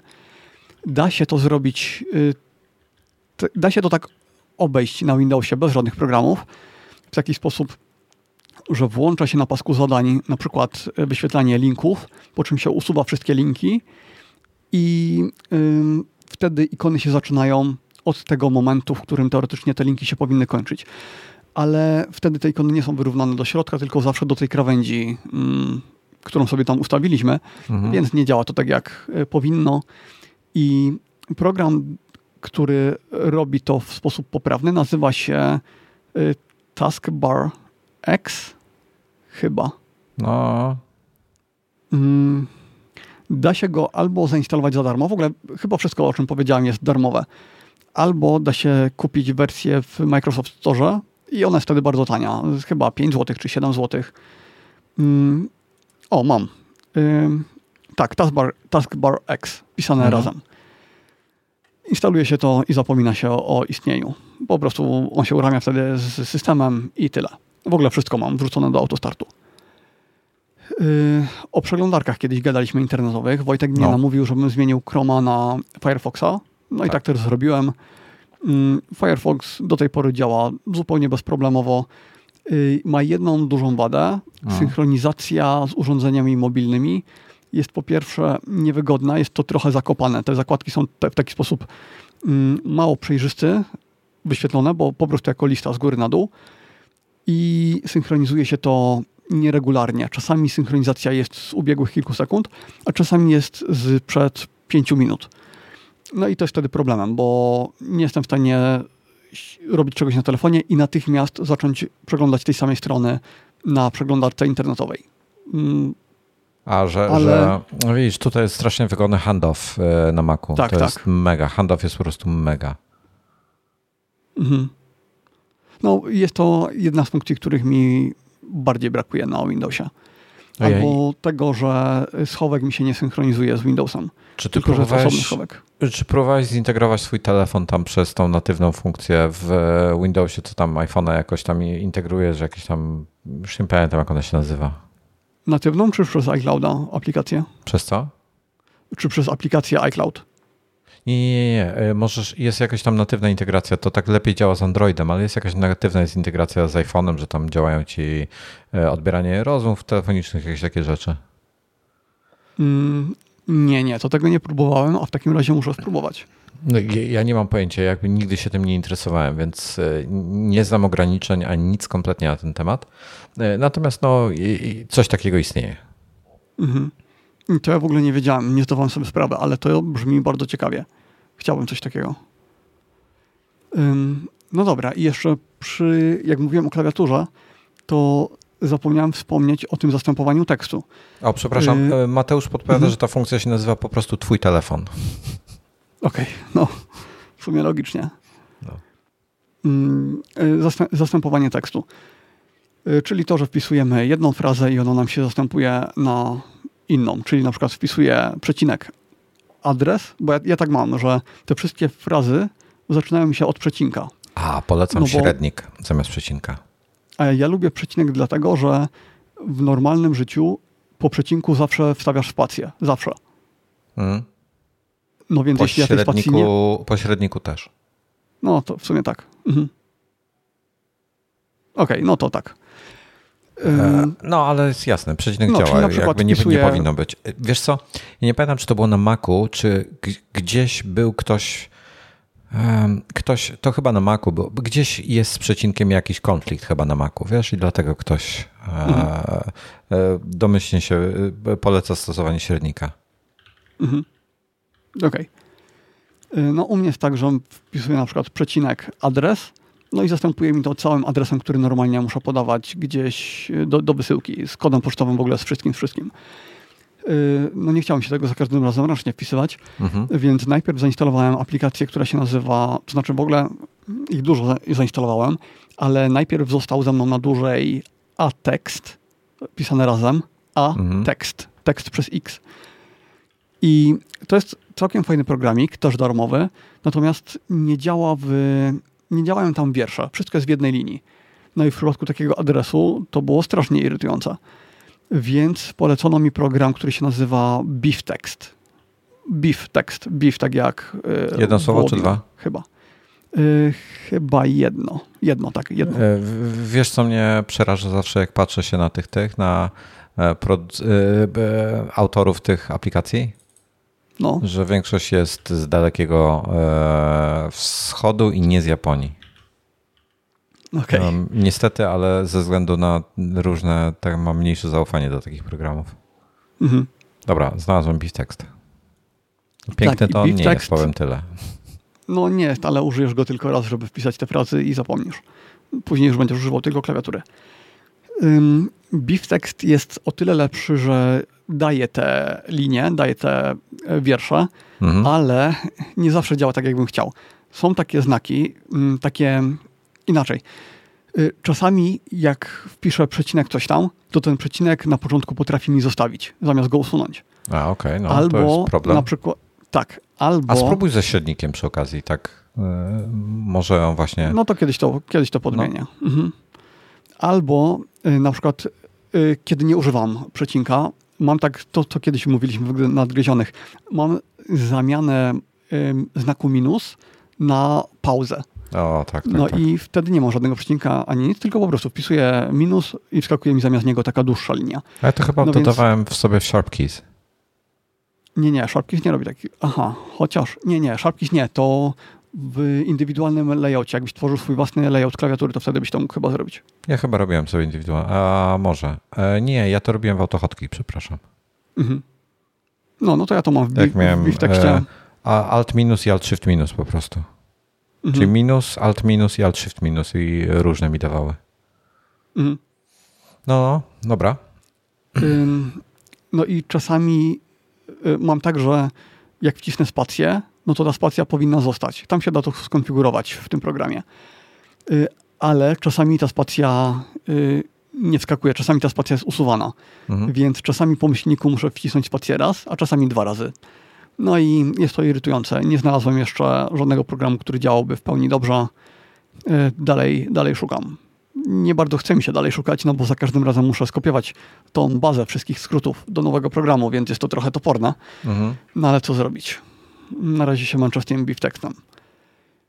I jeśli chodzi o taką podstawową funkcjonalność systemu, to chyba tyle. Później mam jeszcze te kwestie kolorystyczne. ale jeśli chodzi o funkcję, funkcję systemu, to chyba powiedziałem o wszystkim. Y, co ciebie najbardziej irytuje w Windowsie? To może jakoś to oprzedłem. Najbardziej mnie irytuje w Windowsie. Wiesz, co mnie bardziej interesuje? Y, y, irytuje Ctrl-C, Ctrl-V. A co z nimi nie tak? Że, że Ctrl nie mam obok spacji. A okej, okay, to jest to, co ja tym skryptem sobie zrobiłem, że no, używam ja, komenda zamiast kontrol. Tak, ja mógłbym zmienić, ale z drugiej strony y, w ogóle ja mam zmieniony, bo domyślnie e, układ e, kurde, aż muszę, aż muszę sprawdzić, aż to, to pamięć mięśniowa, nie pamiętam jak to jest. Aż muszę to sprawdzić. Dobra, już widzę. E, domyślnie układ dolnego rzędu na klawiaturze standardowej, gdzie masz trzy przyciski, spacja, dwa przyciski, albo trzy ewentualnie, E, to jest nieistotne. Mnie interesują tak naprawdę, interesuje mnie pięć przycisków, e, czyli trzy na lewo od spacji i jeden na prawo od spacji. I e, normalny układ jest Control, Windows, Alt, spacja i potem jest prawy Alt na Windowsie. Na hmm. Macu jest Control, Option, Command, spacja, Command i komand lewy, mhm. komand prawy oczywiście. Tak samo jest na Windowsie, jest lewy alt, prawy alt. One wbrew pozorom różnią się sobą. I ja mam na klawiaturze w tej chwili, na mechanicznej, mam VIA czy też QMK, obojętnie. E, czyli programowanie. Tomaszu H. Będą wszystkie linki do wszystkiego, o czym mówimy, będą w e, opisie odcinka.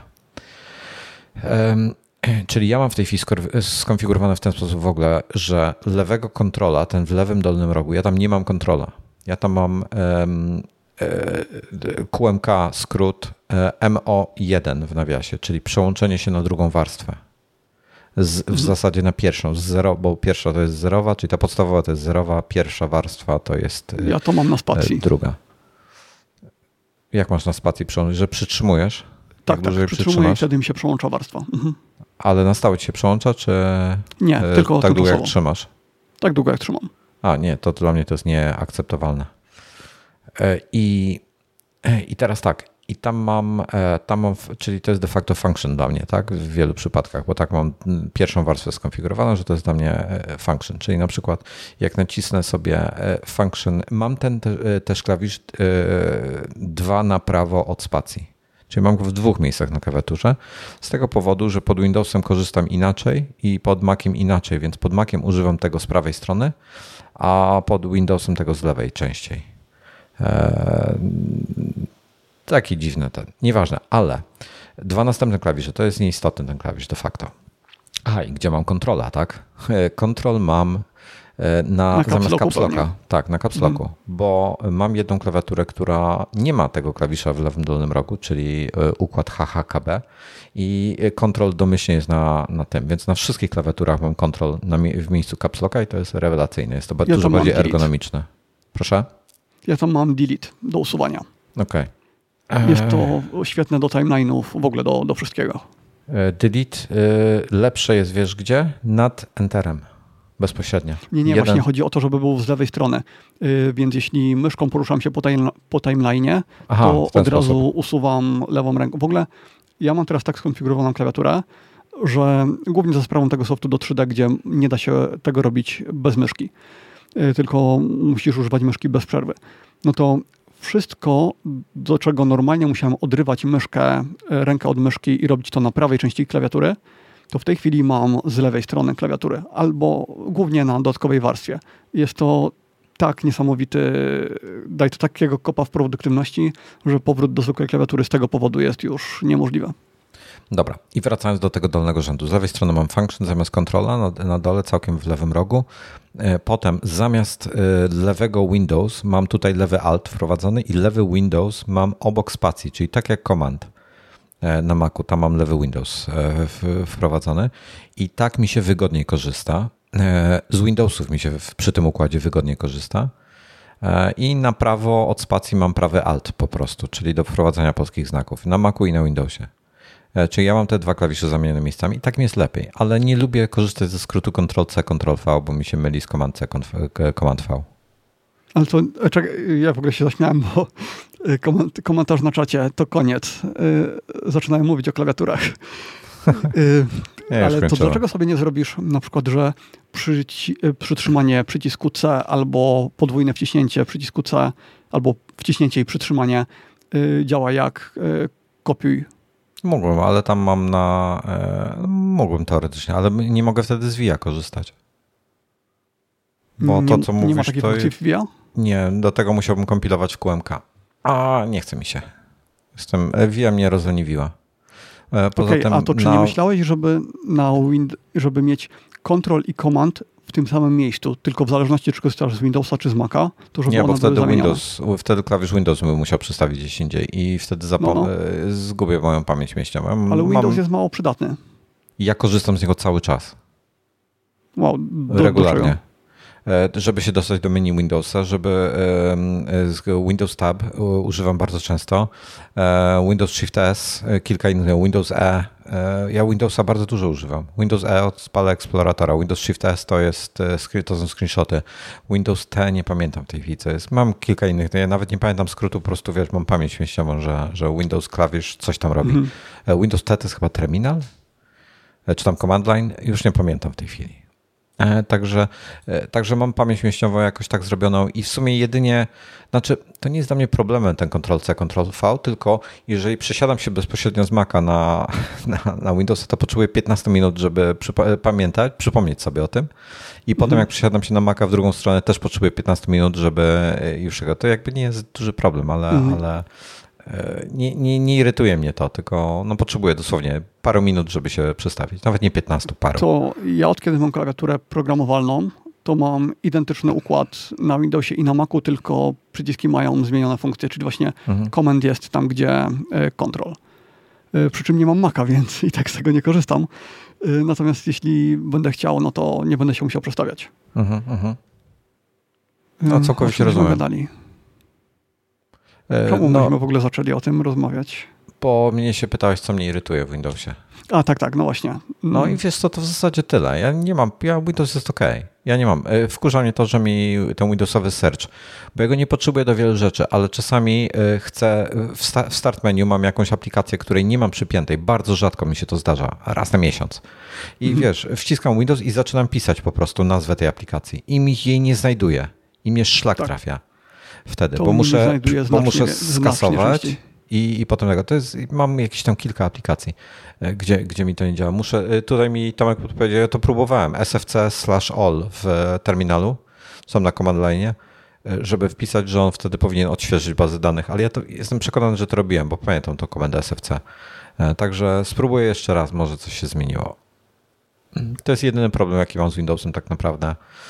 No i szczerze to mam czasem wrażenie, że Windows mi e, działa, znaczy tak, Windows na bank, od, w zasadzie odkąd mam Windowsa 10, e, chciałem 11 już powiedzieć, raz miałem problem, co rozmawialiśmy o tym, co mi wysypało um, boot record mhm. i musiałem go tam z pendrive'a uruchamiać i go odbudować, boot record odbudować, bo, bo, bo w ogóle nie widział danych na dysku. I, I to był dla mnie problem. I to był jedyny problem, odkąd mam Windowsa 10 e, zainstalowanego, a mam go od bardzo dawna i nie przeinstalowywałem go nigdy, e, te, tej instalacji od wielu lat. Wszystko działa. E, jednym z sekretów Windowsa, żeby go nie zmulić za bardzo, to jest nie instalować za dużo aplikacji. To jest kolejny powód, dla którego unikam wszelkich tego typu dodatków, bo one gdzieś tam zawsze do rejestru się pakują, coś tam zawsze zaśmiecą i tak dalej, więc e, staram się e, unikać tego typu rzeczy i działa świetnie mi ten Windows działa i działa mi stabilniej niż macOS na MacBooku, e, ale najstabilniej mi działa macOS na, na Hackintoshu. To jest w ogóle paradoks. Ja też byłem zachwycony, jak już go doprowadziłem do takiego finalnego stanu, że tam karta graficzna zintegrowana działała i wszystko, no to to był system Znakomicie. Jeżeli dobrze mhm. masz postawionego Hackintosha, on potrafi działać stabilniej niż, niż tego. E, patrząc na to, ile w tej Działał chwili... lepiej niż Windows. Mhm. No, mi też. Nie, nie mogę powiedzieć, że lepiej niż Windows. Windows na, na równi, chociaż może, bo... No to u mnie zdecydowanie, bo po prostu nie miałem z nim absolutnie żadnych problemów. Z Windowsem, z Windowsem też jednak... Nie, porównywalnie, Inaczej, powiem tak. U Windowsa dość często uruchamiam ponownie, kiedy Maca prawie nigdy, tam raz w miesiącu może, a Windows jednak to kilka dni uruchamiam ponownie. No też y, może przez to, że on jest y, dużo bardziej obciążany niż rzeczy, które na nim robię, obciążają system dużo, dużo bardziej niż to, co robiłem na Macu. Yy, więc może dlatego, ale... Ja, ja codziennie y, rano butuję Maca, y, potem codziennie wieczorem butuję Windowsa na tym samym komputerze i na noc go wyłączam, no bo po co mamy Windows chodzić i rano znowu butuję Maca. Więc jakby u mnie nie działa w tej chwili, w takim o, setupie nie działa mi dłużej niż jeden dzień. Poruszyłeś ciekawą kwestię, po co ma mi Windows działać. Y, rzecz, która doprowadzała mnie do szału, kiedy no. miałem Hackintosha i Windowsa na tym samym komputerze. Aktualizacje aplikacji gier, których głównie gier. Y, Windows służył mi wtedy tylko jako maszyna do grania. Y, wtedy jeszcze 3D używałem na, na Macu. Więc uruchamiałem Windowsa tylko jak chciałem pograć. No więc odpalam Steam albo cokolwiek, chcę zacząć grać, a tam info, że mam nieaktualną wersję i muszę ją zaktualizować. I tak, tych aktualizacji było mnóstwo, szczególnie, że ja miałem bardzo dużo tytułów zainstalowanych. Y, nie wiem, z 6 terabajtów może gier tam było, bo nie lubiłem instalować w momencie, kiedy decydowałem się, że chcę coś zagrać. No a miałem na przykład y, Viveport zainstalowany, czyli taki jakby Netflix dla gier. Mhm. No to chciałem zainstalować, zainstalowałem sobie wszystko, w co wiem, że kiedyś zagram. Nieważne, czy zagram jutro, czy za tydzień, czy za miesiąc. No i Windows się do tego nie nadawał, to znaczy mm, za często te info o aktualizacjach miałem, no a skoro mhm. Windowsa odpalałem tylko po to, żeby zagrać, a nie działał w tle, y, tak na co dzień, no to on nie miał kiedy tych aktualizacji zrobić, tylko w momencie, kiedy ja ich już naprawdę potrzebowałem. No, więc to była największa wada. Irytowało mnie to do tego stopnia, że odpaliłem też tego Windowsa przez Paralesa jako wirtualna maszyna i chciałem wtedy robić y, aktualizację, czyli kiedy korzystam z Maca, chciałem, żeby mi aktualizował rzeczy na Windowsie. Mhm. Niestety nie byłem w stanie tego ogarnąć, bo y, były jakieś tam problemy z partycjami. Już nie, już nie pamiętam dokładnie o co chodziło, ale mm, nie widział mi dysków, nie widział mi wszystkich dysków poprawnie. Już nie pamiętam, czy tylko on, który Exfata, czy tylko NTFS-a, czy jakiegoś innego, no ale mnie to irytowało. Było to na tyle problematyczne, że zrezygnowałem z tego pomysłu. Ja na moment chcę nawiązać do dyskusji z czata tutaj na żywo. E, SFC to nie było to, o czym myślałem i się pochrzeniło z czym innym. SFC to jest system file checker. E, nie mam potrzeby tego robić, bo, e, bo tu jest wszystko w porządku. Natomiast mi chodziło o, był taki, była komenda, tylko nie pamiętam jak ona się nazywała, do um, przebudowania bazy danych. Ta od Windows Searcha. I nie pamiętam w tej chwili, jak ona się nazywała kompletnie. A nie mogę znaleźć. No mniejsza o to. W każdym razie, jak przeglądam sobie, to jest tam mnóstwo różnych e, porad. Jedni każą grzebać w rejestrach, inni w, w command line E, itp. itd. Ja próbowałem, nic mi nie, nie naprawiło tego. Korzystałem z tych oficjalnych porad, z nieoficjalnych porad nie działa. No może Windows 11 ci to naprawi. Ja się bardzo cieszę na ten system, coraz bardziej. Mm, bo Windows 11, dużo tych rzeczy, o których dzisiaj gadaliśmy, no to on ma wbudowane. Może nie dużo, ale, mm, ale przynajmniej część. A najbardziej się cieszę na ten nowy eksplorator plików że będę miał go wszędzie, bo on ma zakładki, tak? Ten nowy, ma karty. Zakładki, karty, ja nigdy się nie nauczę, co jest co. Zakładki to są, ja też mi się myli, to karty to są to, że masz e, w ramach jednego okna masz e, kartę to z inną treścią. Tak, tak. No. To na to się nie mogę doczekać, że będę to miał już nie tylko mm, podczas normalnego korzystania z komputera, ale też we wszystkich yy, że ten sam eksplorator będzie też w aplikacjach w Photoshopie, w Mai, w ogóle wszędzie, wszędzie. To super. no ja no nie ja będę prędko... Mam jeszcze cały rozdział o kolorach, ale o kolorach nie wiem, czy chcę tutaj gadać. No, no, mów. Nie, to kolory możemy zostawić e, na mhm. inny e, temat, bo będę miał niedługo do testów EIZA nowe. Znaczy nowe. Mhm.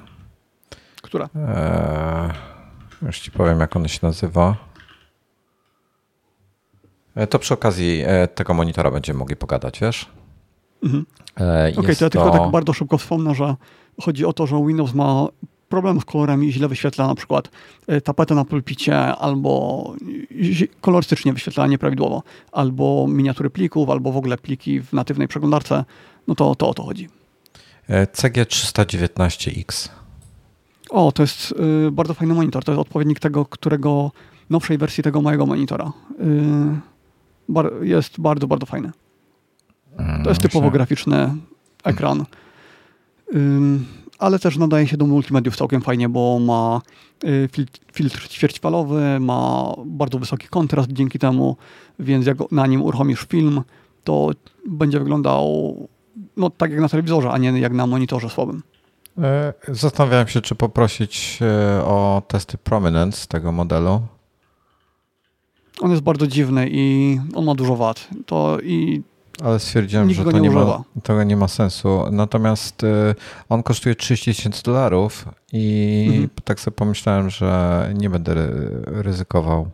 No, Prominence to jest taka dziwna konstrukcja z dwiema matrycami i z wszystkimi wadami, które za tym idą. E, to się, e, I będę miał później, jeszcze będę miał z serii CS, będę miał model 2740 chyba, jeśli dobrze no, pamiętam. To jest ciekawe, mhm, e, bo to, jest 27 cali 4K, to jest tej niższej serii. Tak, dokładniej UHD to jest jedyny monitor 27-calowy, który ma szeroki gamut i ma wysoką rozdzielczość. Czy ja podpowiem taką różnicę w specyfikacji? Oba to są IPS-y, wide gamuty. Jedyny dobry, o. Mhm.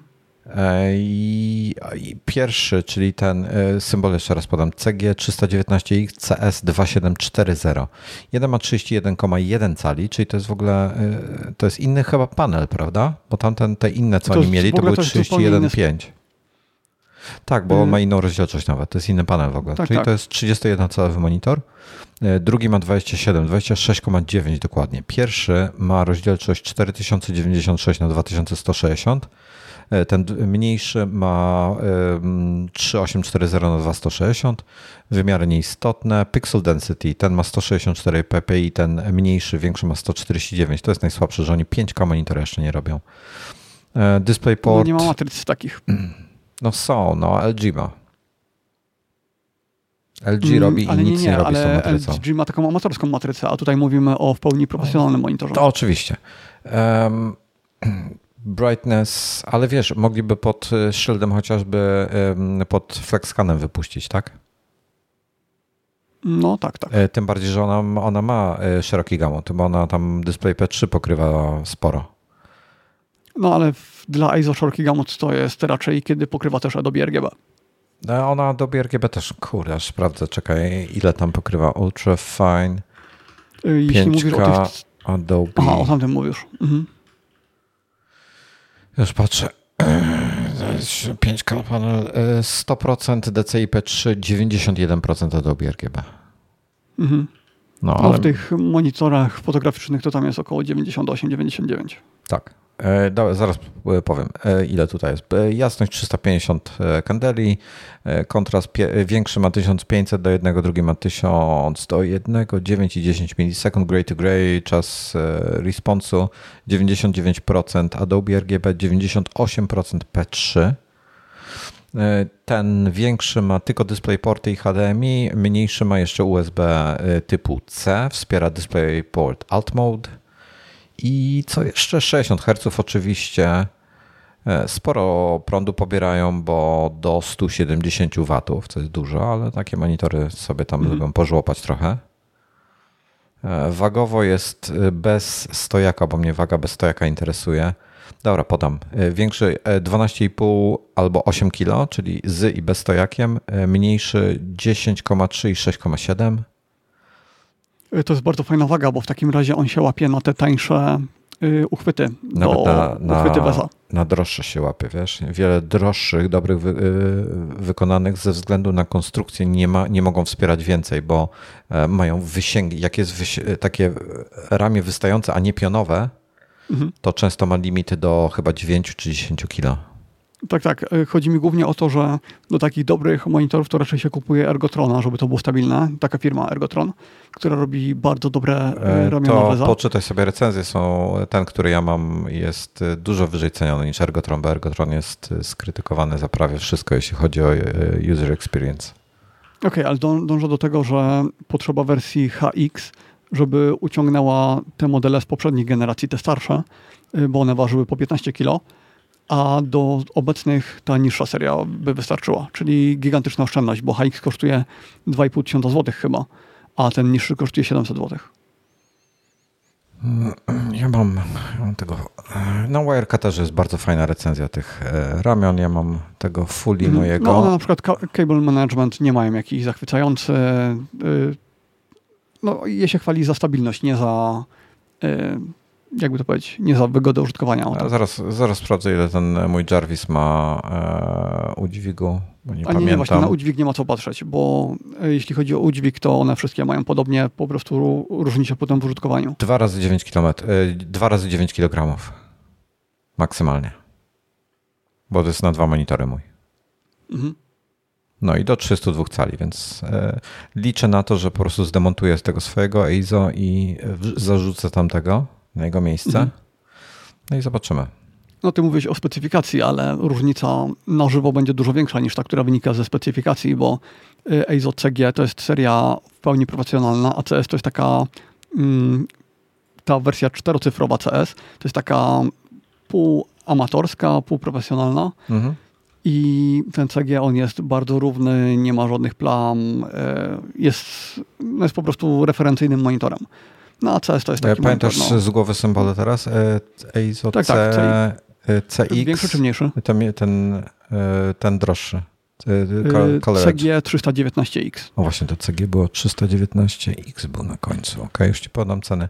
E, nie, bo wiesz co, fajnie, wszystko ładnie, ale ten monitor kosztuje 21 tysięcy złotych. 20 tysięcy, jak dobrze poszukacie. A mhm. drugi? CS 24 2740, tak. 2740, tak, dobrze. E, a ten CS kosztuje 7000, e, więc delikatna różnica jest w cenie. No tak, ale to jest sprzęt zupełnie innej klasy, to znaczy ich się w żaden sposób nie da ze sobą zestawić. Nie no, oczywiście, natomiast e, CS jest i tak lepszy od 90, 99 innych procent monitorów na rynku, które są, mówimy o tych takich 4K E, szczególnie jakieś gamingowe. Oczywiście nie pod każdym względem, mhm. bo ma mniej herców na przykład. Tak. E, natomiast mówimy tutaj konkretnie o jakości e, obrazu. Mm, no ale, ale wiesz, dla wielu osób, którzy hobbystycznie podchodzą do tematu, to będą woleli wydać 7 niż 21. No. Tak, ja kiedyś mówiłem, że kupno tego EIZO, tego CS jest bez sensu, teraz już tak nie mówię. Dlatego, że kiedyś, jeszcze niedawno, można było kupić NECA PA 271Q który był pod każdym, pod każdym względem lepszy i kosztował mniej, bo kosztował około 5000 zł, no. a był naprawdę lep, lepszym monitorem, takim naprawdę, naprawdę. Natomiast ich już nie produkują. To jest to, co mówiłem kilka odcinków temu. No więc teraz ten EIZO będzie bardzo, bardzo ciekawym wyborem i myślę, że całkiem popularnym w branży foto. Ja właśnie patrzę tutaj, co e, polecają, bo ten, o, jest o, jest monitor dla mnie. E, to jest to. Asus ProArt PA32 UCG e, myślnik K. Ma e, Dolby Vision Display P3, bla bla bla, kalibracja sprzętowa Thunderbolt 3. Powiedz mi cenowo, to jest ten za 15 20, czy ten za 8? 25 tysięcy. 120, model, okay. 120 Hz ma. E, I ma Thunderbolta 3, to jest fajne dla Mac userów bardzo. Display HDR 1400. Mhm, to jest ciekawy model. E, to znaczy, ciekawi mnie, jak on się spisuje w rzeczywistości. Też jest bardzo wielką, ciekawe. grubą cegłą, tak jak te monitory profesjonalne. Jest strasznie więc... brzydki wizualnie, jest brzydszy od Eiza. Eiza nie słynie z pięknych monitorów. Mhm. No, mówiło się na nie kiedyś, że to urok płyty chodnikowej. Y, teraz jest trochę lepiej, ale wciąż no. nie, jest, nie jest zbyt pięknie. 25, on jest droższy od tego CG 319X, ale mhm. ma 120 Hz. No i ten y, HDR na pewno dużo tam kosztuje. No, bo tam jest ten, y, on, on ma podświetlenie mini, bo to jest mini LEDowy w ogóle, zacznijmy od tego. On ma trwał, stałe 1000 nitów, szczytowe 1600, więc teoretycznie to jest, jeśli chodzi o specyfikację, on odpowiada Pro Display XDR, tylko że ma mniejszą rozdzielczość. Mhm. No ale kosztuje 25. To za 25 to ja chyba Pro Display XDR już kupię, prawda? A ma 6K mm, tak, tak. do Maca. No tak, tak, ale... to, to wolałbym Pro Display XDR. Potem... Ja nie wiem, no bo to odświeżanie i te kąty mnie tam przerażały w Pro Display XDR. No, odświeżanie 60 Hz, tutaj jest 120, no ale zależy do czego oczywiście.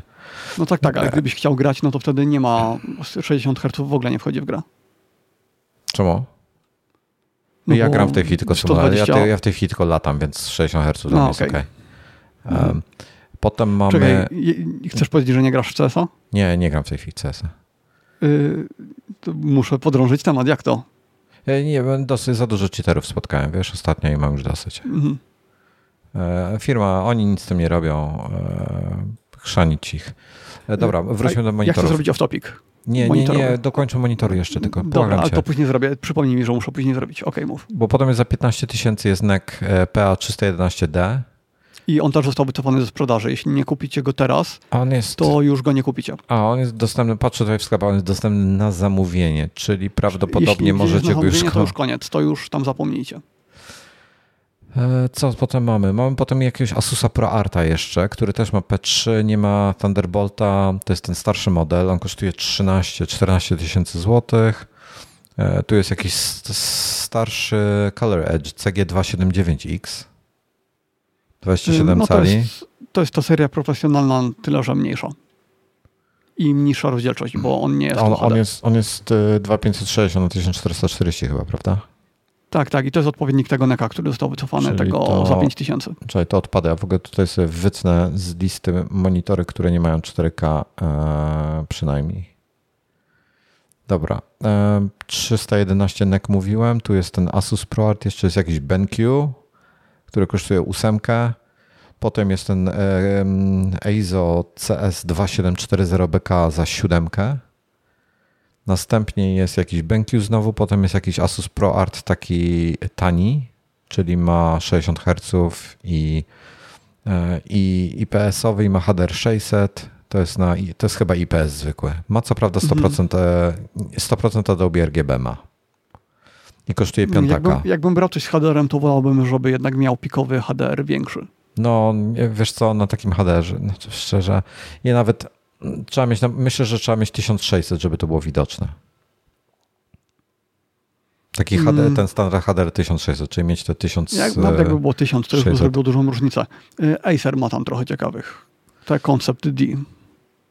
E, Acer Concept D, no jest, jest taki mm. jeszcze. Chyba tutaj 7, widzę, ten, wersja sklep, 7. Ten w sklepie, gdzie jestem, tutaj nie mają tych Acerów. E, jest jeszcze i co? I potem za czwóraka jest 27-calowy e, NEC Multisync 271U. E, I to jest rewelacyjny monitor, jeśli chodzi o stosunek ceny do jakości. Czwórka, on jest 4K, on jest wide gomotowy? Nie, właśnie to jest ta różnica między tym, a tym EIZO, który ty dostaniesz. To są technicznie bardzo, no to są praktycznie bliźniacze modele, ale właśnie ten NEC jest wąskogamutowy, a ten EIZO jest szerokogamutowy. No i za ten szeroki gamut wtedy dopłacasz y, drugie tyle. Czy nawet no, więcej? Y, nie, nie, nie cały, bo tamten kosztuje 7, a ten kosztuje 4, więc dopłacasz. A, okay. a nie, przepraszam, on kosztuje. Dobra, inaczej, bo są trzy wersje tego monitora. Jest zwykła podstawowa za 3000, ciut lepsza za 3000. Aha, nie, to się różni kolorem, tylko biały i czarny. I potem jest model Color Tuned z kapturem, który kosztuje 1000 zł więcej. Czyli 4... Color Tuned jest y, kalibrowany y, w sklepie. Tak, i podejrzewam, że y, IFCO, aha, posiada w zestawie oprogramowanie do kalibracji sprzętowej SpectreView 2 oraz kaptur ochronny. Kaptur się przydaje, tak. więc podejrzewam, że to najlepiej... Znaczy kaptur się, kaptur się przydaje tylko jeśli nie masz, jeśli nie masz oświetlenia ogarniętego. Jeśli światło ci świeci w monitor. Tak. W każdym innym przypadku lepiej zdemontować. Tak, mi świeci. E, więc e, de facto mam e, czwórkę kontra siedem, więc nie jest dwa razy na blisko. No, no. Także... No dobra, tu mówimy tutaj, dużo wymieszaliśmy tutaj monitorów zupełnie innych, no bo te EIZO i NECI, a, czy mówisz jeszcze, czekaj, Asusy, ten, to ten jest kon... zupełnie do czego innego. Koncept D, jak, to był Acer, tak? Koncept D7 chyba. Mhm. Koncept D7 Acer. Jeszcze go wyszukam. A, tylko właśnie, czekaj, tam był problem, że te duże ekrany miały niskie odświeżanie, a tylko te mniejsze miały dużo herców. I to mnie w tym Acerze dobija. To jest koncept D CP7. O, chyba tak, tak, tak. I on ma, i topowy model ma 93% P3, więc trochę mało, ale 99% RGB, więc fajnie. UHD 4K 144 Hz. Ile to jest cali? 27? E, właśnie szukam informacji. To jest chyba 27 cali, ale nie, nie widzę. No właśnie, bo white, 32 chyba nie było z wysokim odświeżaniem. Mm, pewnie nie ma takiej matrycy po prostu. Kurde, nie, nie mogę znaleźć display. Autentycznie nie, nie ma. Nie, nie ma specyfikacji technicznej. A nie, przepraszam, e, przecinek pomyliłem. Myślałem, że kosztuje 21 tysięcy dolarów, ale nie, 2200 dolarów. E, to jest 27 cali, tak jak mówisz. 120 Hz no, albo 144 w overclocku. To może być e, dobry kompromis dla ludzi, którzy chcą grać, a zarazem mieć monitor do, sensowny do jakichś tam hobbystycznych prac z kolorem. Mhm. To może być bardzo fajny kompromis.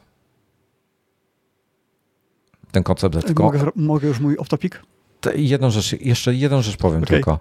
Ten monitor ma, nie wiem co kto myślał, jak to projektował, tylko ma podsta- jego, on jest nowoczesny, ma aluminiowy stand, taki fajny, a podstawa standu jest, e, imituje drewno i to jasne drewno. Jest bardzo specyficzna. Nie wiem, co autor miał na myśli, ale generalnie rzecz biorąc, wywalcie w cholerę ten stand i kupcie sobie e, wesowy, bo to jest jakaś pomyłka. I po e, prostu... Chyba myśleli, że to będzie wyglądało bardziej premium, no ale może gdyby użyli, jak... nie wiem, innego drewna, może by to wyglądało jakoś sensownie, ale oni Wiesz użyli takiego, że wygląda to jak taka y, odpustowa zabawka. To wygląda jak Boazeria z lat 80. Hmm. Dobrze, off topic, proszę. Tak. Ym, VR-owy off-topic niestety, ale no. i, i, tak już wszyscy uciekli po, po temacie Windowsa, więc i tak gadamy tylko do siebie pewnie. I zagrałem, pisałem o tym na Twitterze ostatnio, e, zagrałem pierwszy raz w życiu w prawdziwym 3D na goglach VR-owych. W sensie mhm. nie, nie, nie, chodzi mi o VR, o granie w VR-ze, tylko o granie takie, że uruchomiłem sobie e, telewizor w VR-ze, że siedzę, siedzę na kanapie i widzę przed sobą telewizor. Mhm. Tylko, że ten telewizor wyświetlał obraz w prawdziwym trójwymiarze. Czyli grając Cyberpunka, y, widziałem, że samochód jest 30 metrów ode mnie, a osoba, która przechodziła obok, że jest pół metra ode mnie. Ja to widziałem tak, jak to widziałem w realnym, jakbym był w realnym świecie. Ta, to 3D tak bardzo, tak dużo dało, że ja w tym momencie nie widzę już siebie nigdy grającego na monitorze, bo to jest tak gigantyczna różnica. Tylko będę sobie uruchamiał gry na VR-ze. Nawet jeśli to nie są gry VR-owe, no to będę w nie grał na VR-ze. I nawet do tego stopnia mi się to spodobało, bo, bo w ogóle y, gogle VR-owe mają jeszcze zaletę, że tam jest wysokie odświeżanie, więc mógłbym grać na przykład w 120 Hz. Więc y, jest to idealny sprzęt do grania, natomiast jakość tych gogli jeszcze nie jest taka, jakbym chciał. Najpierw myślałem, że tylko Full HD mogę odpalić w ten sposób, żeby było sensownie, ale później stwierdziłem, że odpalę sobie jeszcze większy ekran, taki ekran, który będzie wystawał mm, trochę poza to, co ja widzę że jeśli obrócę głowę lekko w lewo, lekko w prawo, to dalej będę widział ten ekran i sobie go zakrzywiłem, tak żeby, no, żeby ten efekt spotęgować. I wtedy ustawiłem rozdzielczość 2560 na 1440. No i wyglądało to już całkiem dobrze. Mm, wypadałoby mieć więcej, wypadałoby mieć ponad 4K, natomiast wtedy mój komputer by tego nie uciągnął, żaden komputer by tego nie uciągnął, więc dobrze jest jak jest, no bo taki, takie 3D wymaga renderowania dwóch ekranów. Y, no bo dla lewego oka i dla prawego masz przesunięcia jedno względem drugiego. I myślę, że z kolejną generacją VR-a, no niby już z tą, ale z tymi drogimi, które są obecnie, albo z tymi następnymi, które już będą dostępne bardzo, bardzo tanio, że wtedy przechodzę już całkowicie nagranie w taki sposób, a monitor będę używał już tylko do pracy. A może nawet nie do pracy, bo akurat to, co sobie robię w 3D, no to robienie tego w trzech wymiarach, no to niesamowicie by ułatwiło. No ale to by musiały być okulary, które by umożliwiały wygodne korzystanie cały dzień, po 10 godzin, 12 godzin, 15 godzin. Na takich okularów jeszcze nie ma. Ja... Czy ty próbowałeś kiedyś prawdziwego 3D? Ale nie mówię tutaj o takim 3D, które jest na telewizorze z takimi okularkami polaryzacyjnymi albo czymś takim.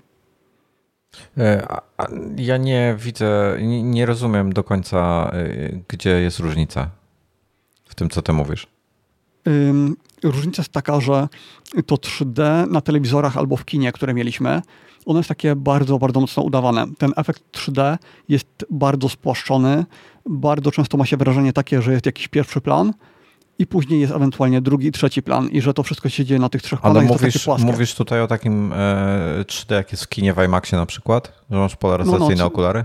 Tak, tak, coś tego typu. Chociaż w, nie, akurat w IMAXie to wygląda całkiem fajnie, no, tylko że IMAX super. jest w ogóle zrobiony w taki sposób, że tam też te wyświetlacze są dostosowane, one są odpowiednio jasne, a jak idziesz do normalnego kina albo w na normalnym kinie 3D to jest, jest tragedia i nie warto w ogóle na to iść moim zdaniem. No, no, to tak, jest tak. porażka.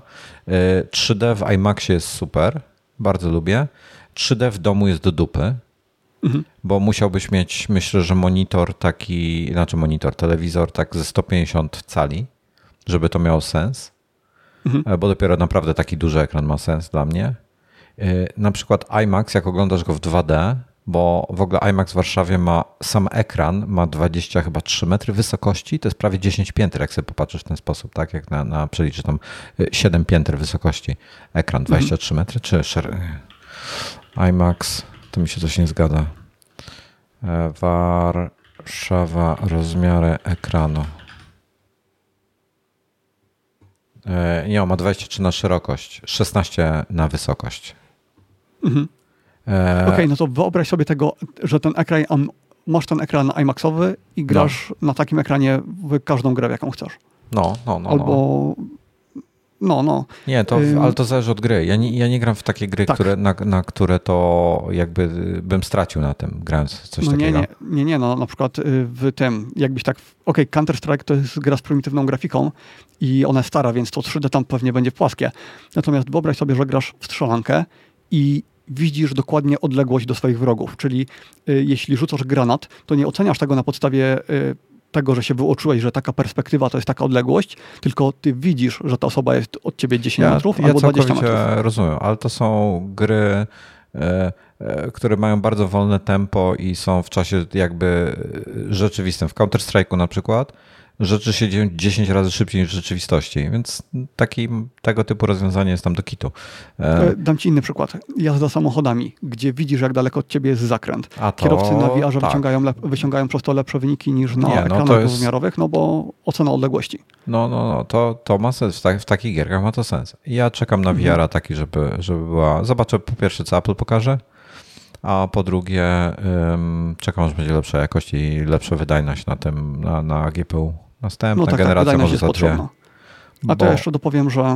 Mhm. Bo za mało jest w tej chwili. Jeszcze dopowiem, że tam w kilka gier tak grałem. W Cyberpunka, w y, Star Wars Fallen Order, w Diablo 3. W Diablo 3 było dziwnie, bo y, kursor, bo tam sterujesz kursorem. No i ten kursor jest w innej odległości niż postacie, bo kursor jest nad nimi. No więc jest bardzo problem, żeby y, wycelować w jakieś miejsce i ocenić, gdzie ty właściwie kliknąłeś. No bo skoro kursor jest nad ziemią, tam nie wiem, 5 metrów, no to trzeba by się do tego przyzwyczaić. Ja zagrałem tylko kilka minut, więc podejrzewam, że dałoby się do tego przyzwyczaić. Y, ale to jest jedyny typ gier, w których jeszcze widzę dla siebie zastosowanie dla monitorów, a wszystko inne będę próbował odpalać w, w 3D na y, VR-ze teraz. No ja czekam jakiś tego. Teraz strasznie popsuli VR-a dla Microsoft Flight Simulator. Tak. E, tam strasznie dużo problemów jest. Z wydajnością e, też, że wydajność się nie poprawiła, a niektórym podobno nawet spadła. Po teraz po tym hotfixie coś ogólnie, znaczy w ogóle spieprzyli na maksa. A e, słyszałeś, jakie jest rozwiązanie w ogóle na poprawienie wydajności w VR-ze? No, ustawić, ustawić skalo... wyższe skalowanie chyba, co wtedy on tak, myśli, że jest niższe. skalowanie. No wiem, wiem. Są jakieś takie bullshity totalne. E, mają dzisiaj albo w, dzisiaj albo w poniedziałek wydać hotfix kolejny, który ma sporo naprawić. Więc czekam na to niecierpliwie. Mm, I, i tyle. I, I w zasadzie VR na w pierwszej kolejności chcę do symulatora. Zobaczymy, jak to, jak to, to będzie działało. No. Y, bo tylko, że myśmy o tym gadali w after show, a nie w trakcie normalnego nagrania. No, ale gadaliśmy o Pimaxie. No. Gadaliśmy o Pimaxie.